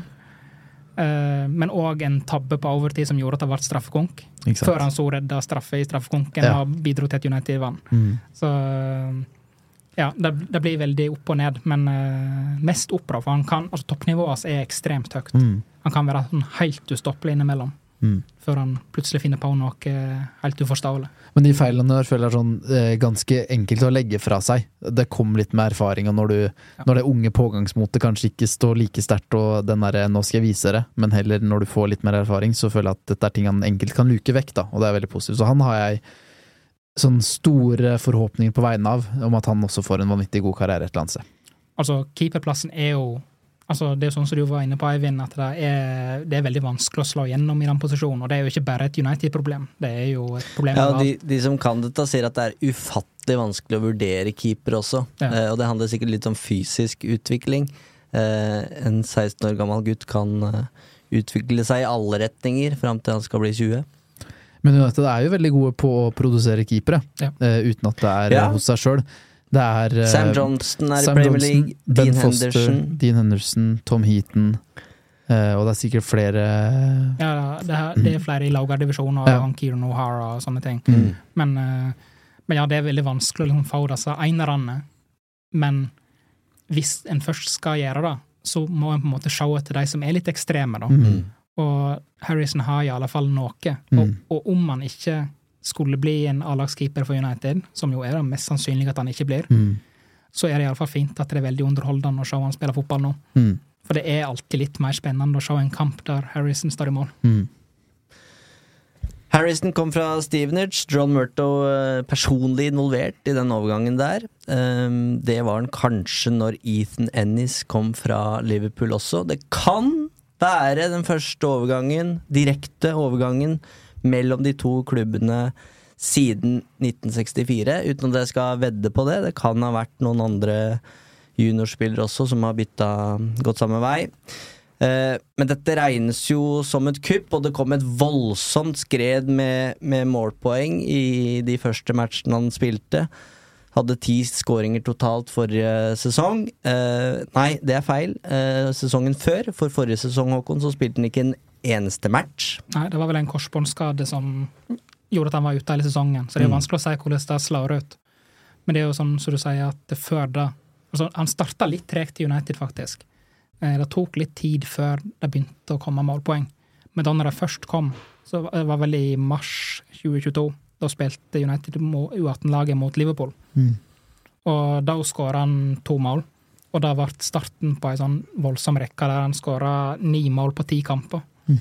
Altså, han var ikke involvert i det FA Youth Cup-laget. Han satt vel på benken i noen av kampene, men han var ikke involvert annet enn i de første kampene i november-desember.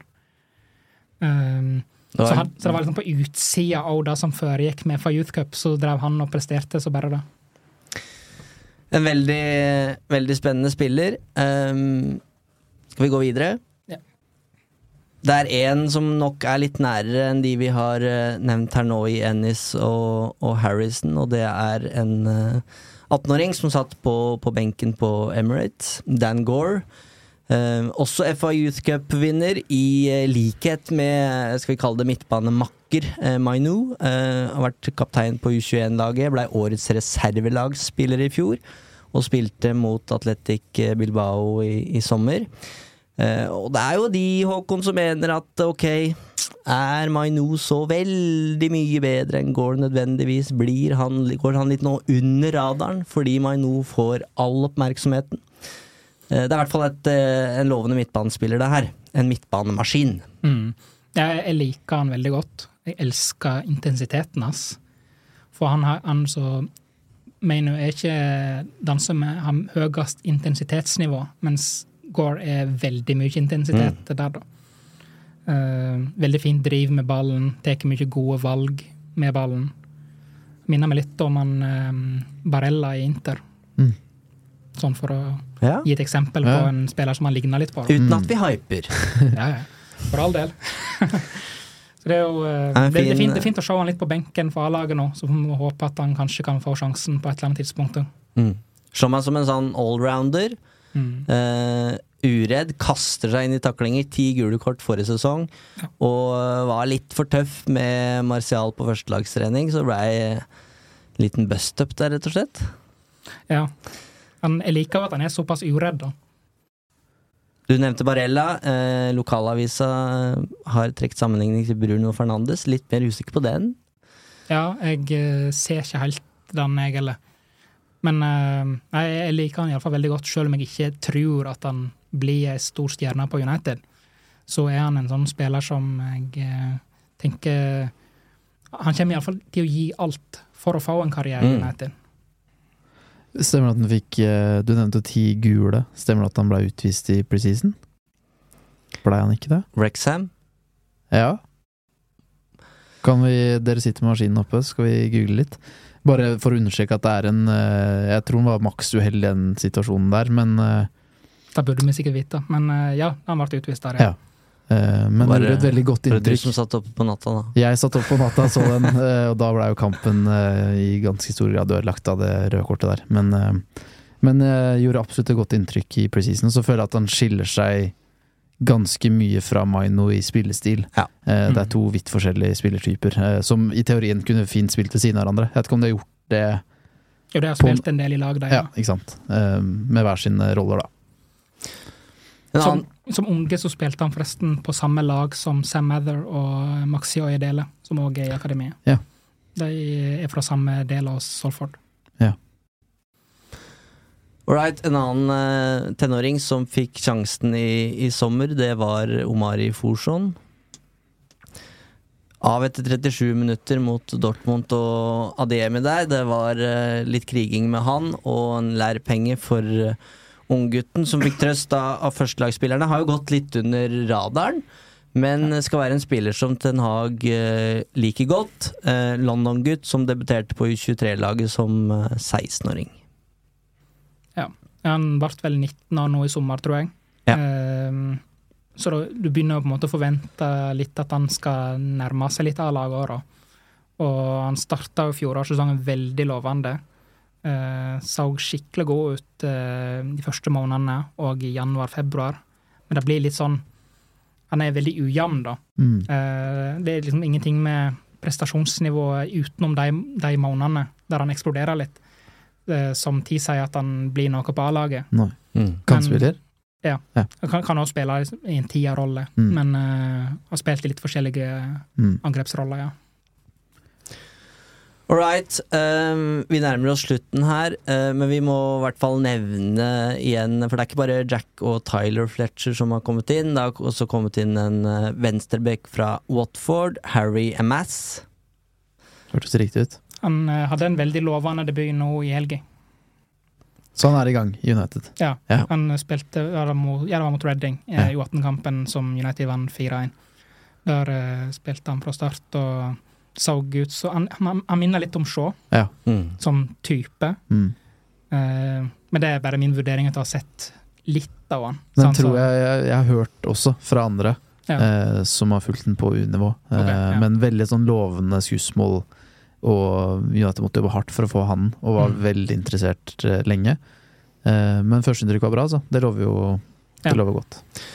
Vi får se Fletcher-brødrene og MS litt mer i aksjon før vi går i dybden på de. Mm. Eh, men er det noen andre her, Håkon, som må, må trekkes fram før vi runder av? Jeg har litt lyst til å nevne Jace Fitzgerald. Da vi var på Carrington i januar, så var det han som skåra et fantastisk langskudd mot Liverpool. Ja. Ja, husker den.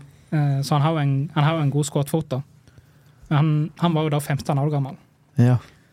Han er sånn nå 16, da. Han blir ikke 17 før i mai. Nei, riktig. Eh, og han er egentlig god nok for U21-laget nå, vil jeg si, i alle fall. Eh, men der blir det nok litt, det er litt trangt om plassen på U21-laget akkurat nå, så derfor blir det vel sikkert mye U18-fotball på han. Mm. Men han er da en midtbanespiller. Sentral midtbanespiller. Kan nå spille midtstopper. Eh, han er en sånn spillertype som kan dominere i midtbanen. Han tar gode valg, god til å spille seg ut av pressa situasjoner, sånn som jeg nå, egentlig. Selv om han minner, jeg vil si han minner mer om James Garner, Mm. men han er vesentlig bedre enn hva Garner var på den tiden, i alle fall. Ja. Uh, og jeg tror det er litt sunt Vi har snakket om dette med folk som er i skuggen av andre og sånt. Jeg tror det er litt sunt at han nå får være litt i skuggen av Shay Lacy. Ja. For all oppmerksomheten går ut til Lacy fordi at han dribler seg forbi sju spillere og, og lobba ballen over keeper. Men Fitzgerald er veldig spennende, vil jeg si. da. Det er nesten så jeg holder den litt som en hemmelighet sjøl jeg skriver, jeg skriver disse akademioppsummeringene mine, og jeg har nesten ikke nevnt den. Nei. Og det er nesten så jeg sånn tenker hm, Driver jeg og prøver å skjule den for folk òg? når dere, leser, når dere leser om Fitzgerald eh, på united.no, da kan dere tenke at nå hadde ikke Håkon noe valg. Nå har han blitt såpass god at nå må han fram i lyset. Men la meg komme med en ærlig anbefaling, da, for du nevnte det, det, selv, Håkon. Og det anbefales sterkt altså, å lese de akademioppsummeringene som Håkon skriver, for det er, eh, det er lærerikt, og det er eh, nyttig, og det gir oss eh, innblikk i ting man ikke nødvendigvis har tid til å følge med på selv. Eh, så kudos for det, Håkon. Jeg vet ikke om du Jo, syns det er eh, ubehagelig å få ros, men det syns jeg du fortjener. Så fortsett med det. Og du setter ikke på U21-matchen i opptak etter å ha sett eh, United Arsenal? Jeg tror jeg har sett noen U18-kamper i opptak, men da snakker vi eh, Da skal vi ti år tilbake. Ikke etter at jeg blei verken én- eller toårsfar. Det har jeg ikke tid til. Så nei. Da skjønner jeg. Ja, takk. Det, det blir noe annet når det er litt eh, sånn som A-laget, da når det tross alt faktisk betyr litt mer resultatet. Det Da er er det, da er det litt lettere å motivere seg sjøl til å se dem i opptak, vil jeg si. helt riktig. Ellers så er det jo uh, i den Class of 2020-generasjonen som da kom før uh, disse brexit-reglene, så er det jo en del uh, navn som har vært oppe i, i flere år, som vi ikke har snakka om i dag. Men det handler jo litt om at de, de er litt mellom akademiet og førstelaget, på sett og vis. Men vi kjenner jo Hannibal godt nå, blitt 20 år. Eh, var jo en ti millioners eh, eh, som debuterte mot eh, Wolverhampton under, under Solskjær. Vi har Shola Shoratire, som vi eh, gruer oss til å si navnet på hver gang vi skal uttale det. Har jo slått alle aldersrekorder i Manchester United, har nå blitt 19 og hadde et uh, utlån til, eh, til Bolten. eh, og figurerer jo nå igjen på U21-laget. Håkon, bare kort, hva, hva, hva, hva tenker du om framtida der? Jeg liker jo spilleren, og han Han òg er jo enda en som en er litt sånn usikker på hvilken posisjon han egentlig skal ende opp i. Jeg tror ikke han ser egentlig mest lovende ut som en åtter på midtbanen. Og Og der har han spilt litt for U21-laget nå, og han har starta sesongen veldig bra der, men jeg hadde nok foretrekt om han hadde gått på utlån nå. Altså, da, da Oppholdet i Bolten var ikke noe stor suksess, men der spilte han mest, mest som spiss. Enkelt å, å trekke paralleller til eh, Angel Gomez, som også var et stort talent i, i United-akademiet, men som forsvant til Lill, eh, og gikk jo derfra på en måte være en tier til å nå bli en dyptliggende midtbanespiller. Mm. Ja, det, det er en del fellestrekk der, ja. Og det er jo lenge siden Solskjær introduserte han for førstelaget. Jeg vet ikke om han debuterte mot Newcastle hjemme. Jo. Jeg tror det stemmer. Han er jo derfra også. Og det, det har liksom vært så stille rundt han så lenge, og så har eh, Det er vel Dag jeg hørte fra, tror jeg, sagt i podkasten òg, at det på en måte er noen krefter i sving der og trekkes inn noen tråder her og der som gjør at man på en måte blir litt i tvil om man har hodet på rett sted til å lykkes i United. 50% talent, 50% i huet. Ja. Eh, Det var noen gnisninger der mellom familien og eh, United-akademiet. ja, litt forventninger, litt ulike meninger om når ting skal skje, og tempo, og kontrakter og forhåpninger og sånne ting. Eh, men når du har blitt 19, og det er såpass lenge siden du ble introdusert for førstelaget, og utlån i Bolten går så der, og Mm. posisjonen ikke er definert, så, så tror jeg han kan se langt etter en United-karriere. Det er ikke så veldig kontroversielt å si, tror jeg. Det tror ikke jeg heller. Men, eh, men talent, talentet er der, Mm, og han har vært gjennom en periode der han har vokst en del. mm. Så det tar jo litt tid noen ganger å Ja, ja. tilpasse seg en ny høgde og så. Ja, for han, han, er ikke, han er ikke en liten tass, Nei, jeg- selv om han ser litt ut som det. Jeg skvatt jo da han debuterte, og hvor liten han var. Mhm. Eh, og nå er han jo 10-15 cm høyere enn det, hvis jeg bare skal tippe. Mm. Eh, så, Ja. så nå er han en eh, robust, robust kar. Vi har Mer enn før, i nevnt. Mm. Vi har nevnt eh, Alvaro Fernandes, som nå skal spille for Granada. Spennende å følge utviklinga hans der. Vi har Mateo Meja. Blir sikkert en spansk variant der. Jeg tror det er Mejia, kanskje. Mejia, ja. Alt er for ingenting, det Eivind. være Jeg, er ikke god i spansk, så det kan hende jeg bommer sats! Og bomma på, på oppkanten rett ned på kulen. Kan hende det Eh, er du som treffer, og jeg som bommer. Vi får se. Eh, Det spørs eh, vel om vi får se han i eh, United-drakt på Old Trafford også. Han har jo blitt 20 år, slitt voldsomt med skader, og det var jo egentlig ganske overraskende at han fikk eh, ny kontrakt. Kom fra, fra Saragosa før brexit her, og representerer Colombia på U20-nivå. Nå i vår fikk han den første perioden sin i United der han har kunnet spilt en del kamper uten å bli skada. For ellers har det vært bare langtidsskader, og så kanskje et lite innhopp, og så har han blitt skada igjen. Så det er veldig vanskelig å si hvor han egentlig er Mm. sånn på utviklingsstigen. Um, jeg tror ikke det virker som han har mista en del tempo, og derfor så tror jeg jo ikke på han i det hele tatt lenger. Men han var jo regna som et enormt talent, og nå presterer han faktisk veldig godt for U21-laget. Men spørsmålet er, har han da Altså, er det siste utviklingssteget, er det bare litt forsinka? Mm. Og at det da plutselig kommer hvis han får en god periode uten skade. Men, eh, men ja, 2023 har vært et veldig bra år for han, faktisk. Så jeg ikke det er fint at han fikk sjansen litt tid. Og så tror jeg kanskje den kontraktsforlengelsen det er et godt bilde på den approachen United har nå. Til at ja vel, du, vi er vel kanskje alle enige om at det her ikke nødvendigvis blir en førstelagskarriere på, på Old Trafford, men vet du hva, du, du er en del av gjengen, liksom. Du hører hjemme her. Vi gir deg en kontrakt. Spill deg.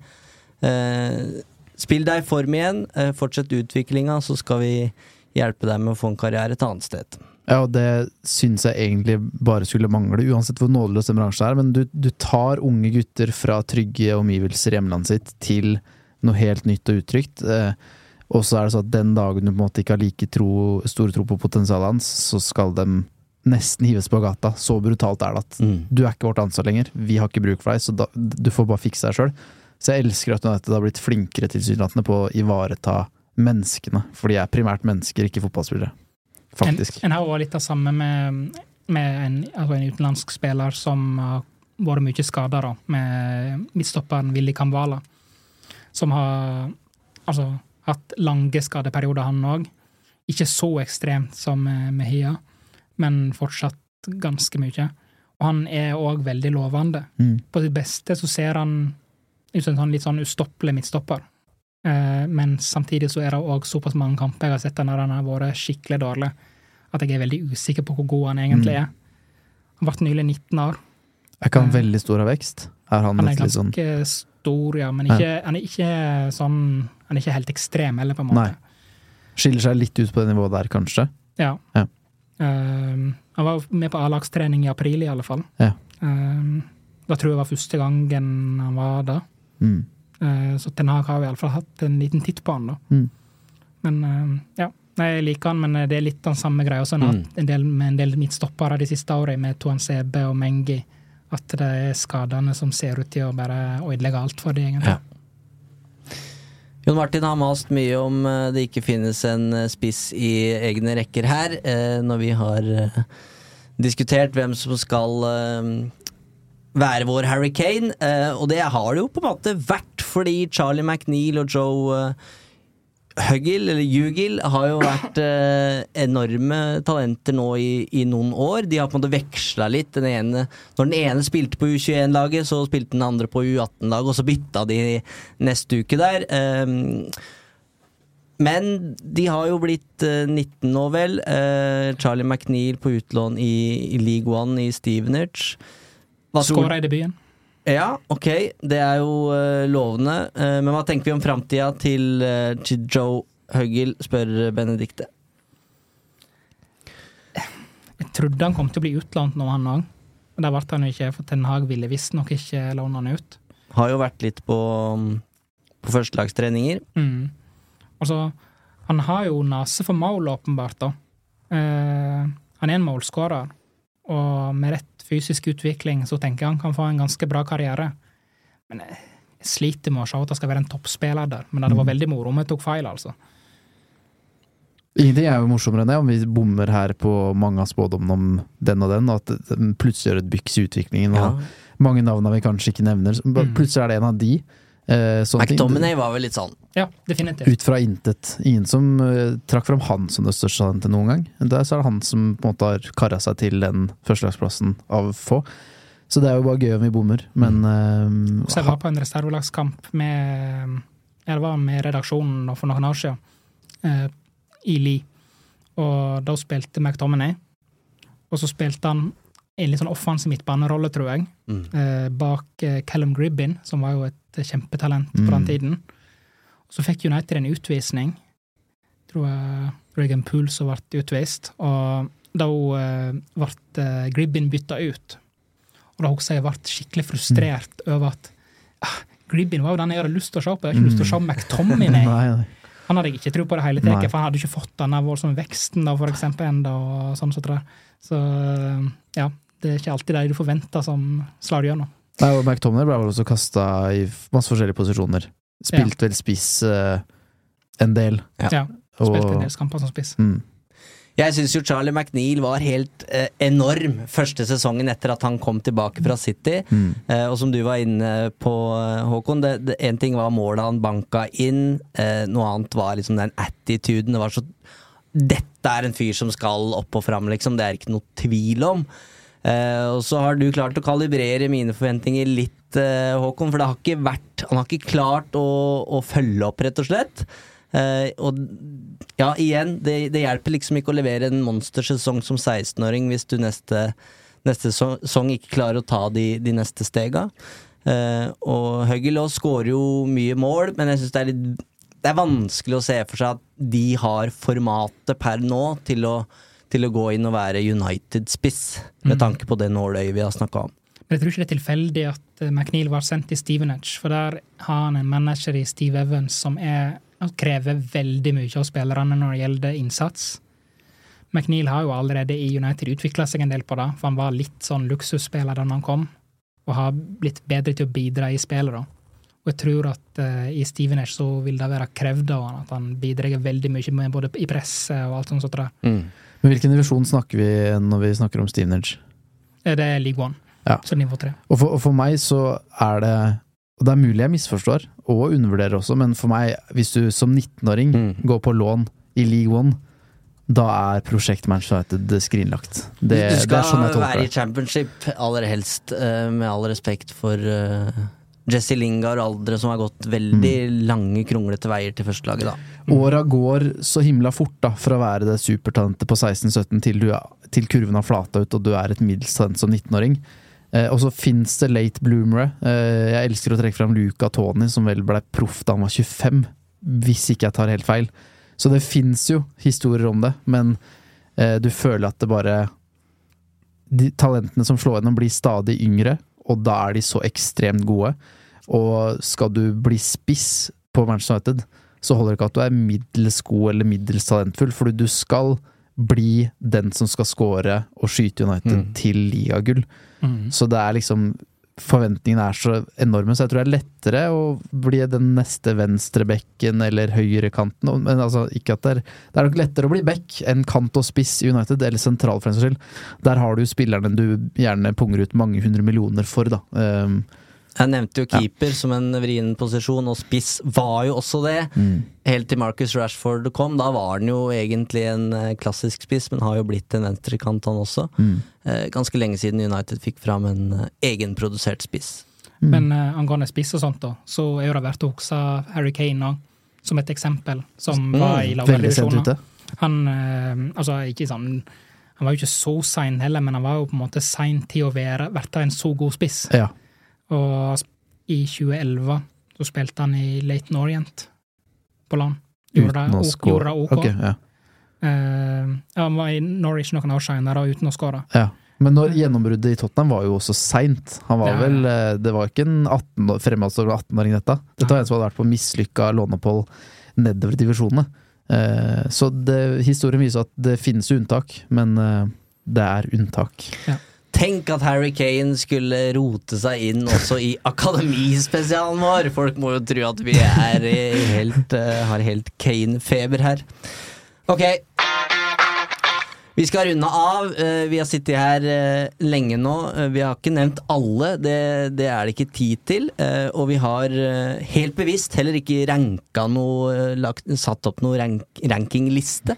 Men jeg vil at vi skal kjøre en eh, rask øvelse før vi, før vi avslutter. Uh, og det er å plukke fram én uh, spiller i hver lagdel.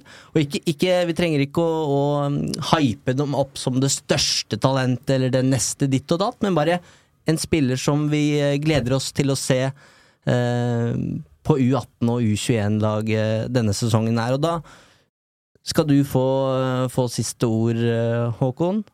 Eh, Den fortjener du, og så skal jeg og, og Fredrik eh, bidra hvis det trengs. Så da begynner vi jo selvfølgelig som seg hør og bør bakerst, og der eh, Det må jo nesten bare bli han som får Onana til å se kjedelig ut, det, da. Ja, det er vanskelig å ta noen andre enn Eli Harrison nå, egentlig. Det er, det er nok andre interessante keepere òg, men Det var jo noen som trodde litt på han Kovar. Han har jo nå forsvunnet til Bayer Leverkosen. ja. Ja, det kan jo fortsatt bli noe der. Det er jo ikke godt å si. Det var spekulert i at han kunne bli andre keeper på United i år òg, Ja. etter en god sesong i Sparta Praha i fjor. Men eh, det er jo tydeligvis en strategi nå, da, med å selge spillere med, med videre salgsklausuler og sånn og sånt. Men ja, det blir Harrison på keeperplass, i alle fall. Eli Harrison. Forsvarsspiller. Har litt lyst til å si James Nolan, jeg. Ja, det er en vi ikke har snakka om. Ja, det, det, det er egentlig derfor jeg har lyst til å si det. Jeg skal innrømme at jeg aldri har hørt om han, så nå er jeg spent. Eh, Han er en back. Eh, nettopp begynte å spille på U21-laget nå, etter å ha spilt på U18-laget i fjor. Eh, spilte mot Liverpool da vi var på Carrington. Ja. Um, han er en sånn O'Shay-type, med at han spiller i alle posisjoner. Altså, jeg har, eh, han spiller godt i alle posisjoner òg. Jeg har sett han både som midtstopper, høyreback, venstreback, høyre wingback, venstre wingback, sentral midtbane, høyre wing. Du ikke har sett han på venstre wing. Ikke sett han som dommer. Det er veldig, altså Han har vært de fleste roller i, på U18-laget. da. Spiller venstreback på U21-laget nå. Mm. Han leverer gode prestasjoner hele tiden. Og det er litt sånn spennende Uavhengig av hvor han spiller? Ja. Eh, solid. Mm. Altså han, jeg tror han gjorde en feil i en av de første U21-kampene, men det er veldig sjelden du ser han egentlig gjøre noe feil. Mm. Ikke er straffespark, så han er veldig god til veldig mye. da. Ja. Men han er ikke en sånn type du forventer at skal bli en A-lagsspiller. Men jeg veit aldri de som har denne ekstra innsatsen. Og, ja. Jeg liker han veldig godt, da.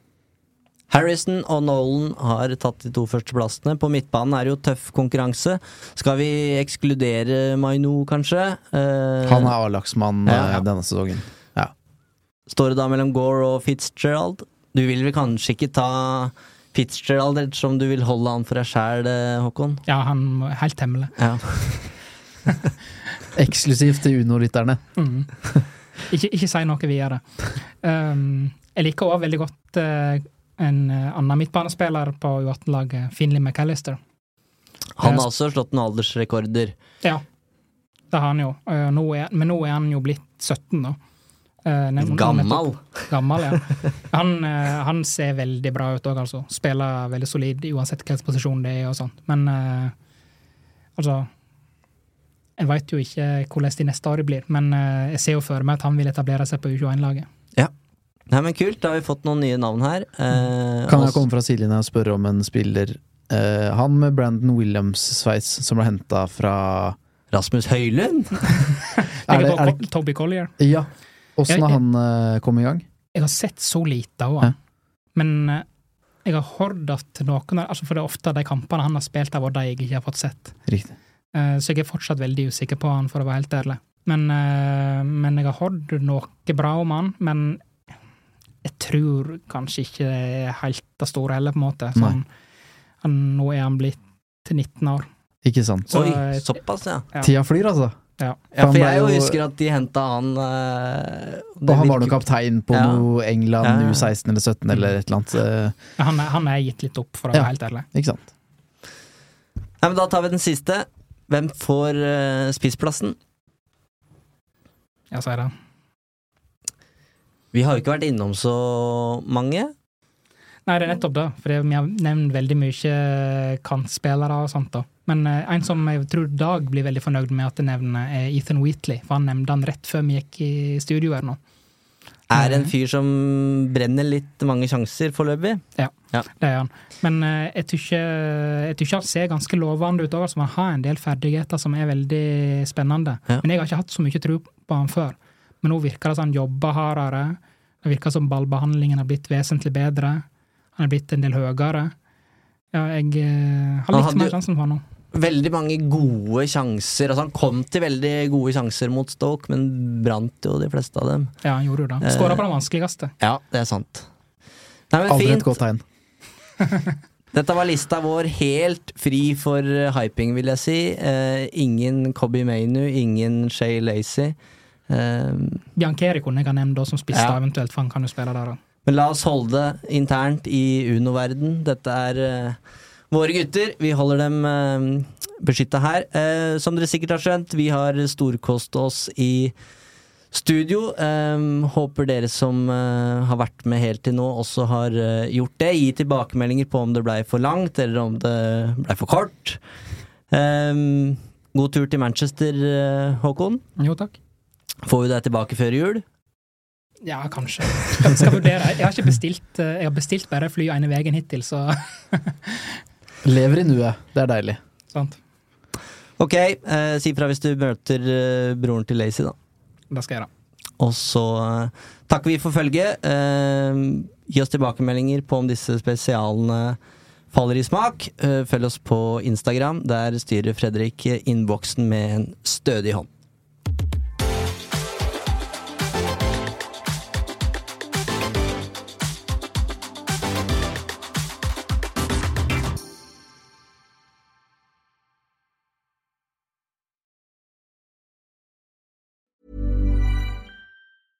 Mom deserves the best, and there's no better place to shop for Mother's Day than Whole Foods Market. They're your destination for unbeatable savings, from premium gifts to show-stopping flowers and irresistible desserts. Start by saving 33% with Prime on all body care and candles. Then get a 15-stem bunch of tulips for just $9.99 each with Prime. Round out Mom's menu with festive rosé, irresistible berry chantilly cake, and more special treats. Come celebrate Mother's Day at Whole Foods Market. When you make decisions for your company, you look for the no-brainers. If you have a lot of mailing to do, stamps.com is the ultimate no-brainer. Use the stamps.com mobile app to mail everything you need to keep your business running with up to 89% off USPS and UPS. Make the same no-brainer decision as over 1 million other businesses with stamps.com. Use code PROGRAM for a special offer. That's stamps.com, code PROGRAM.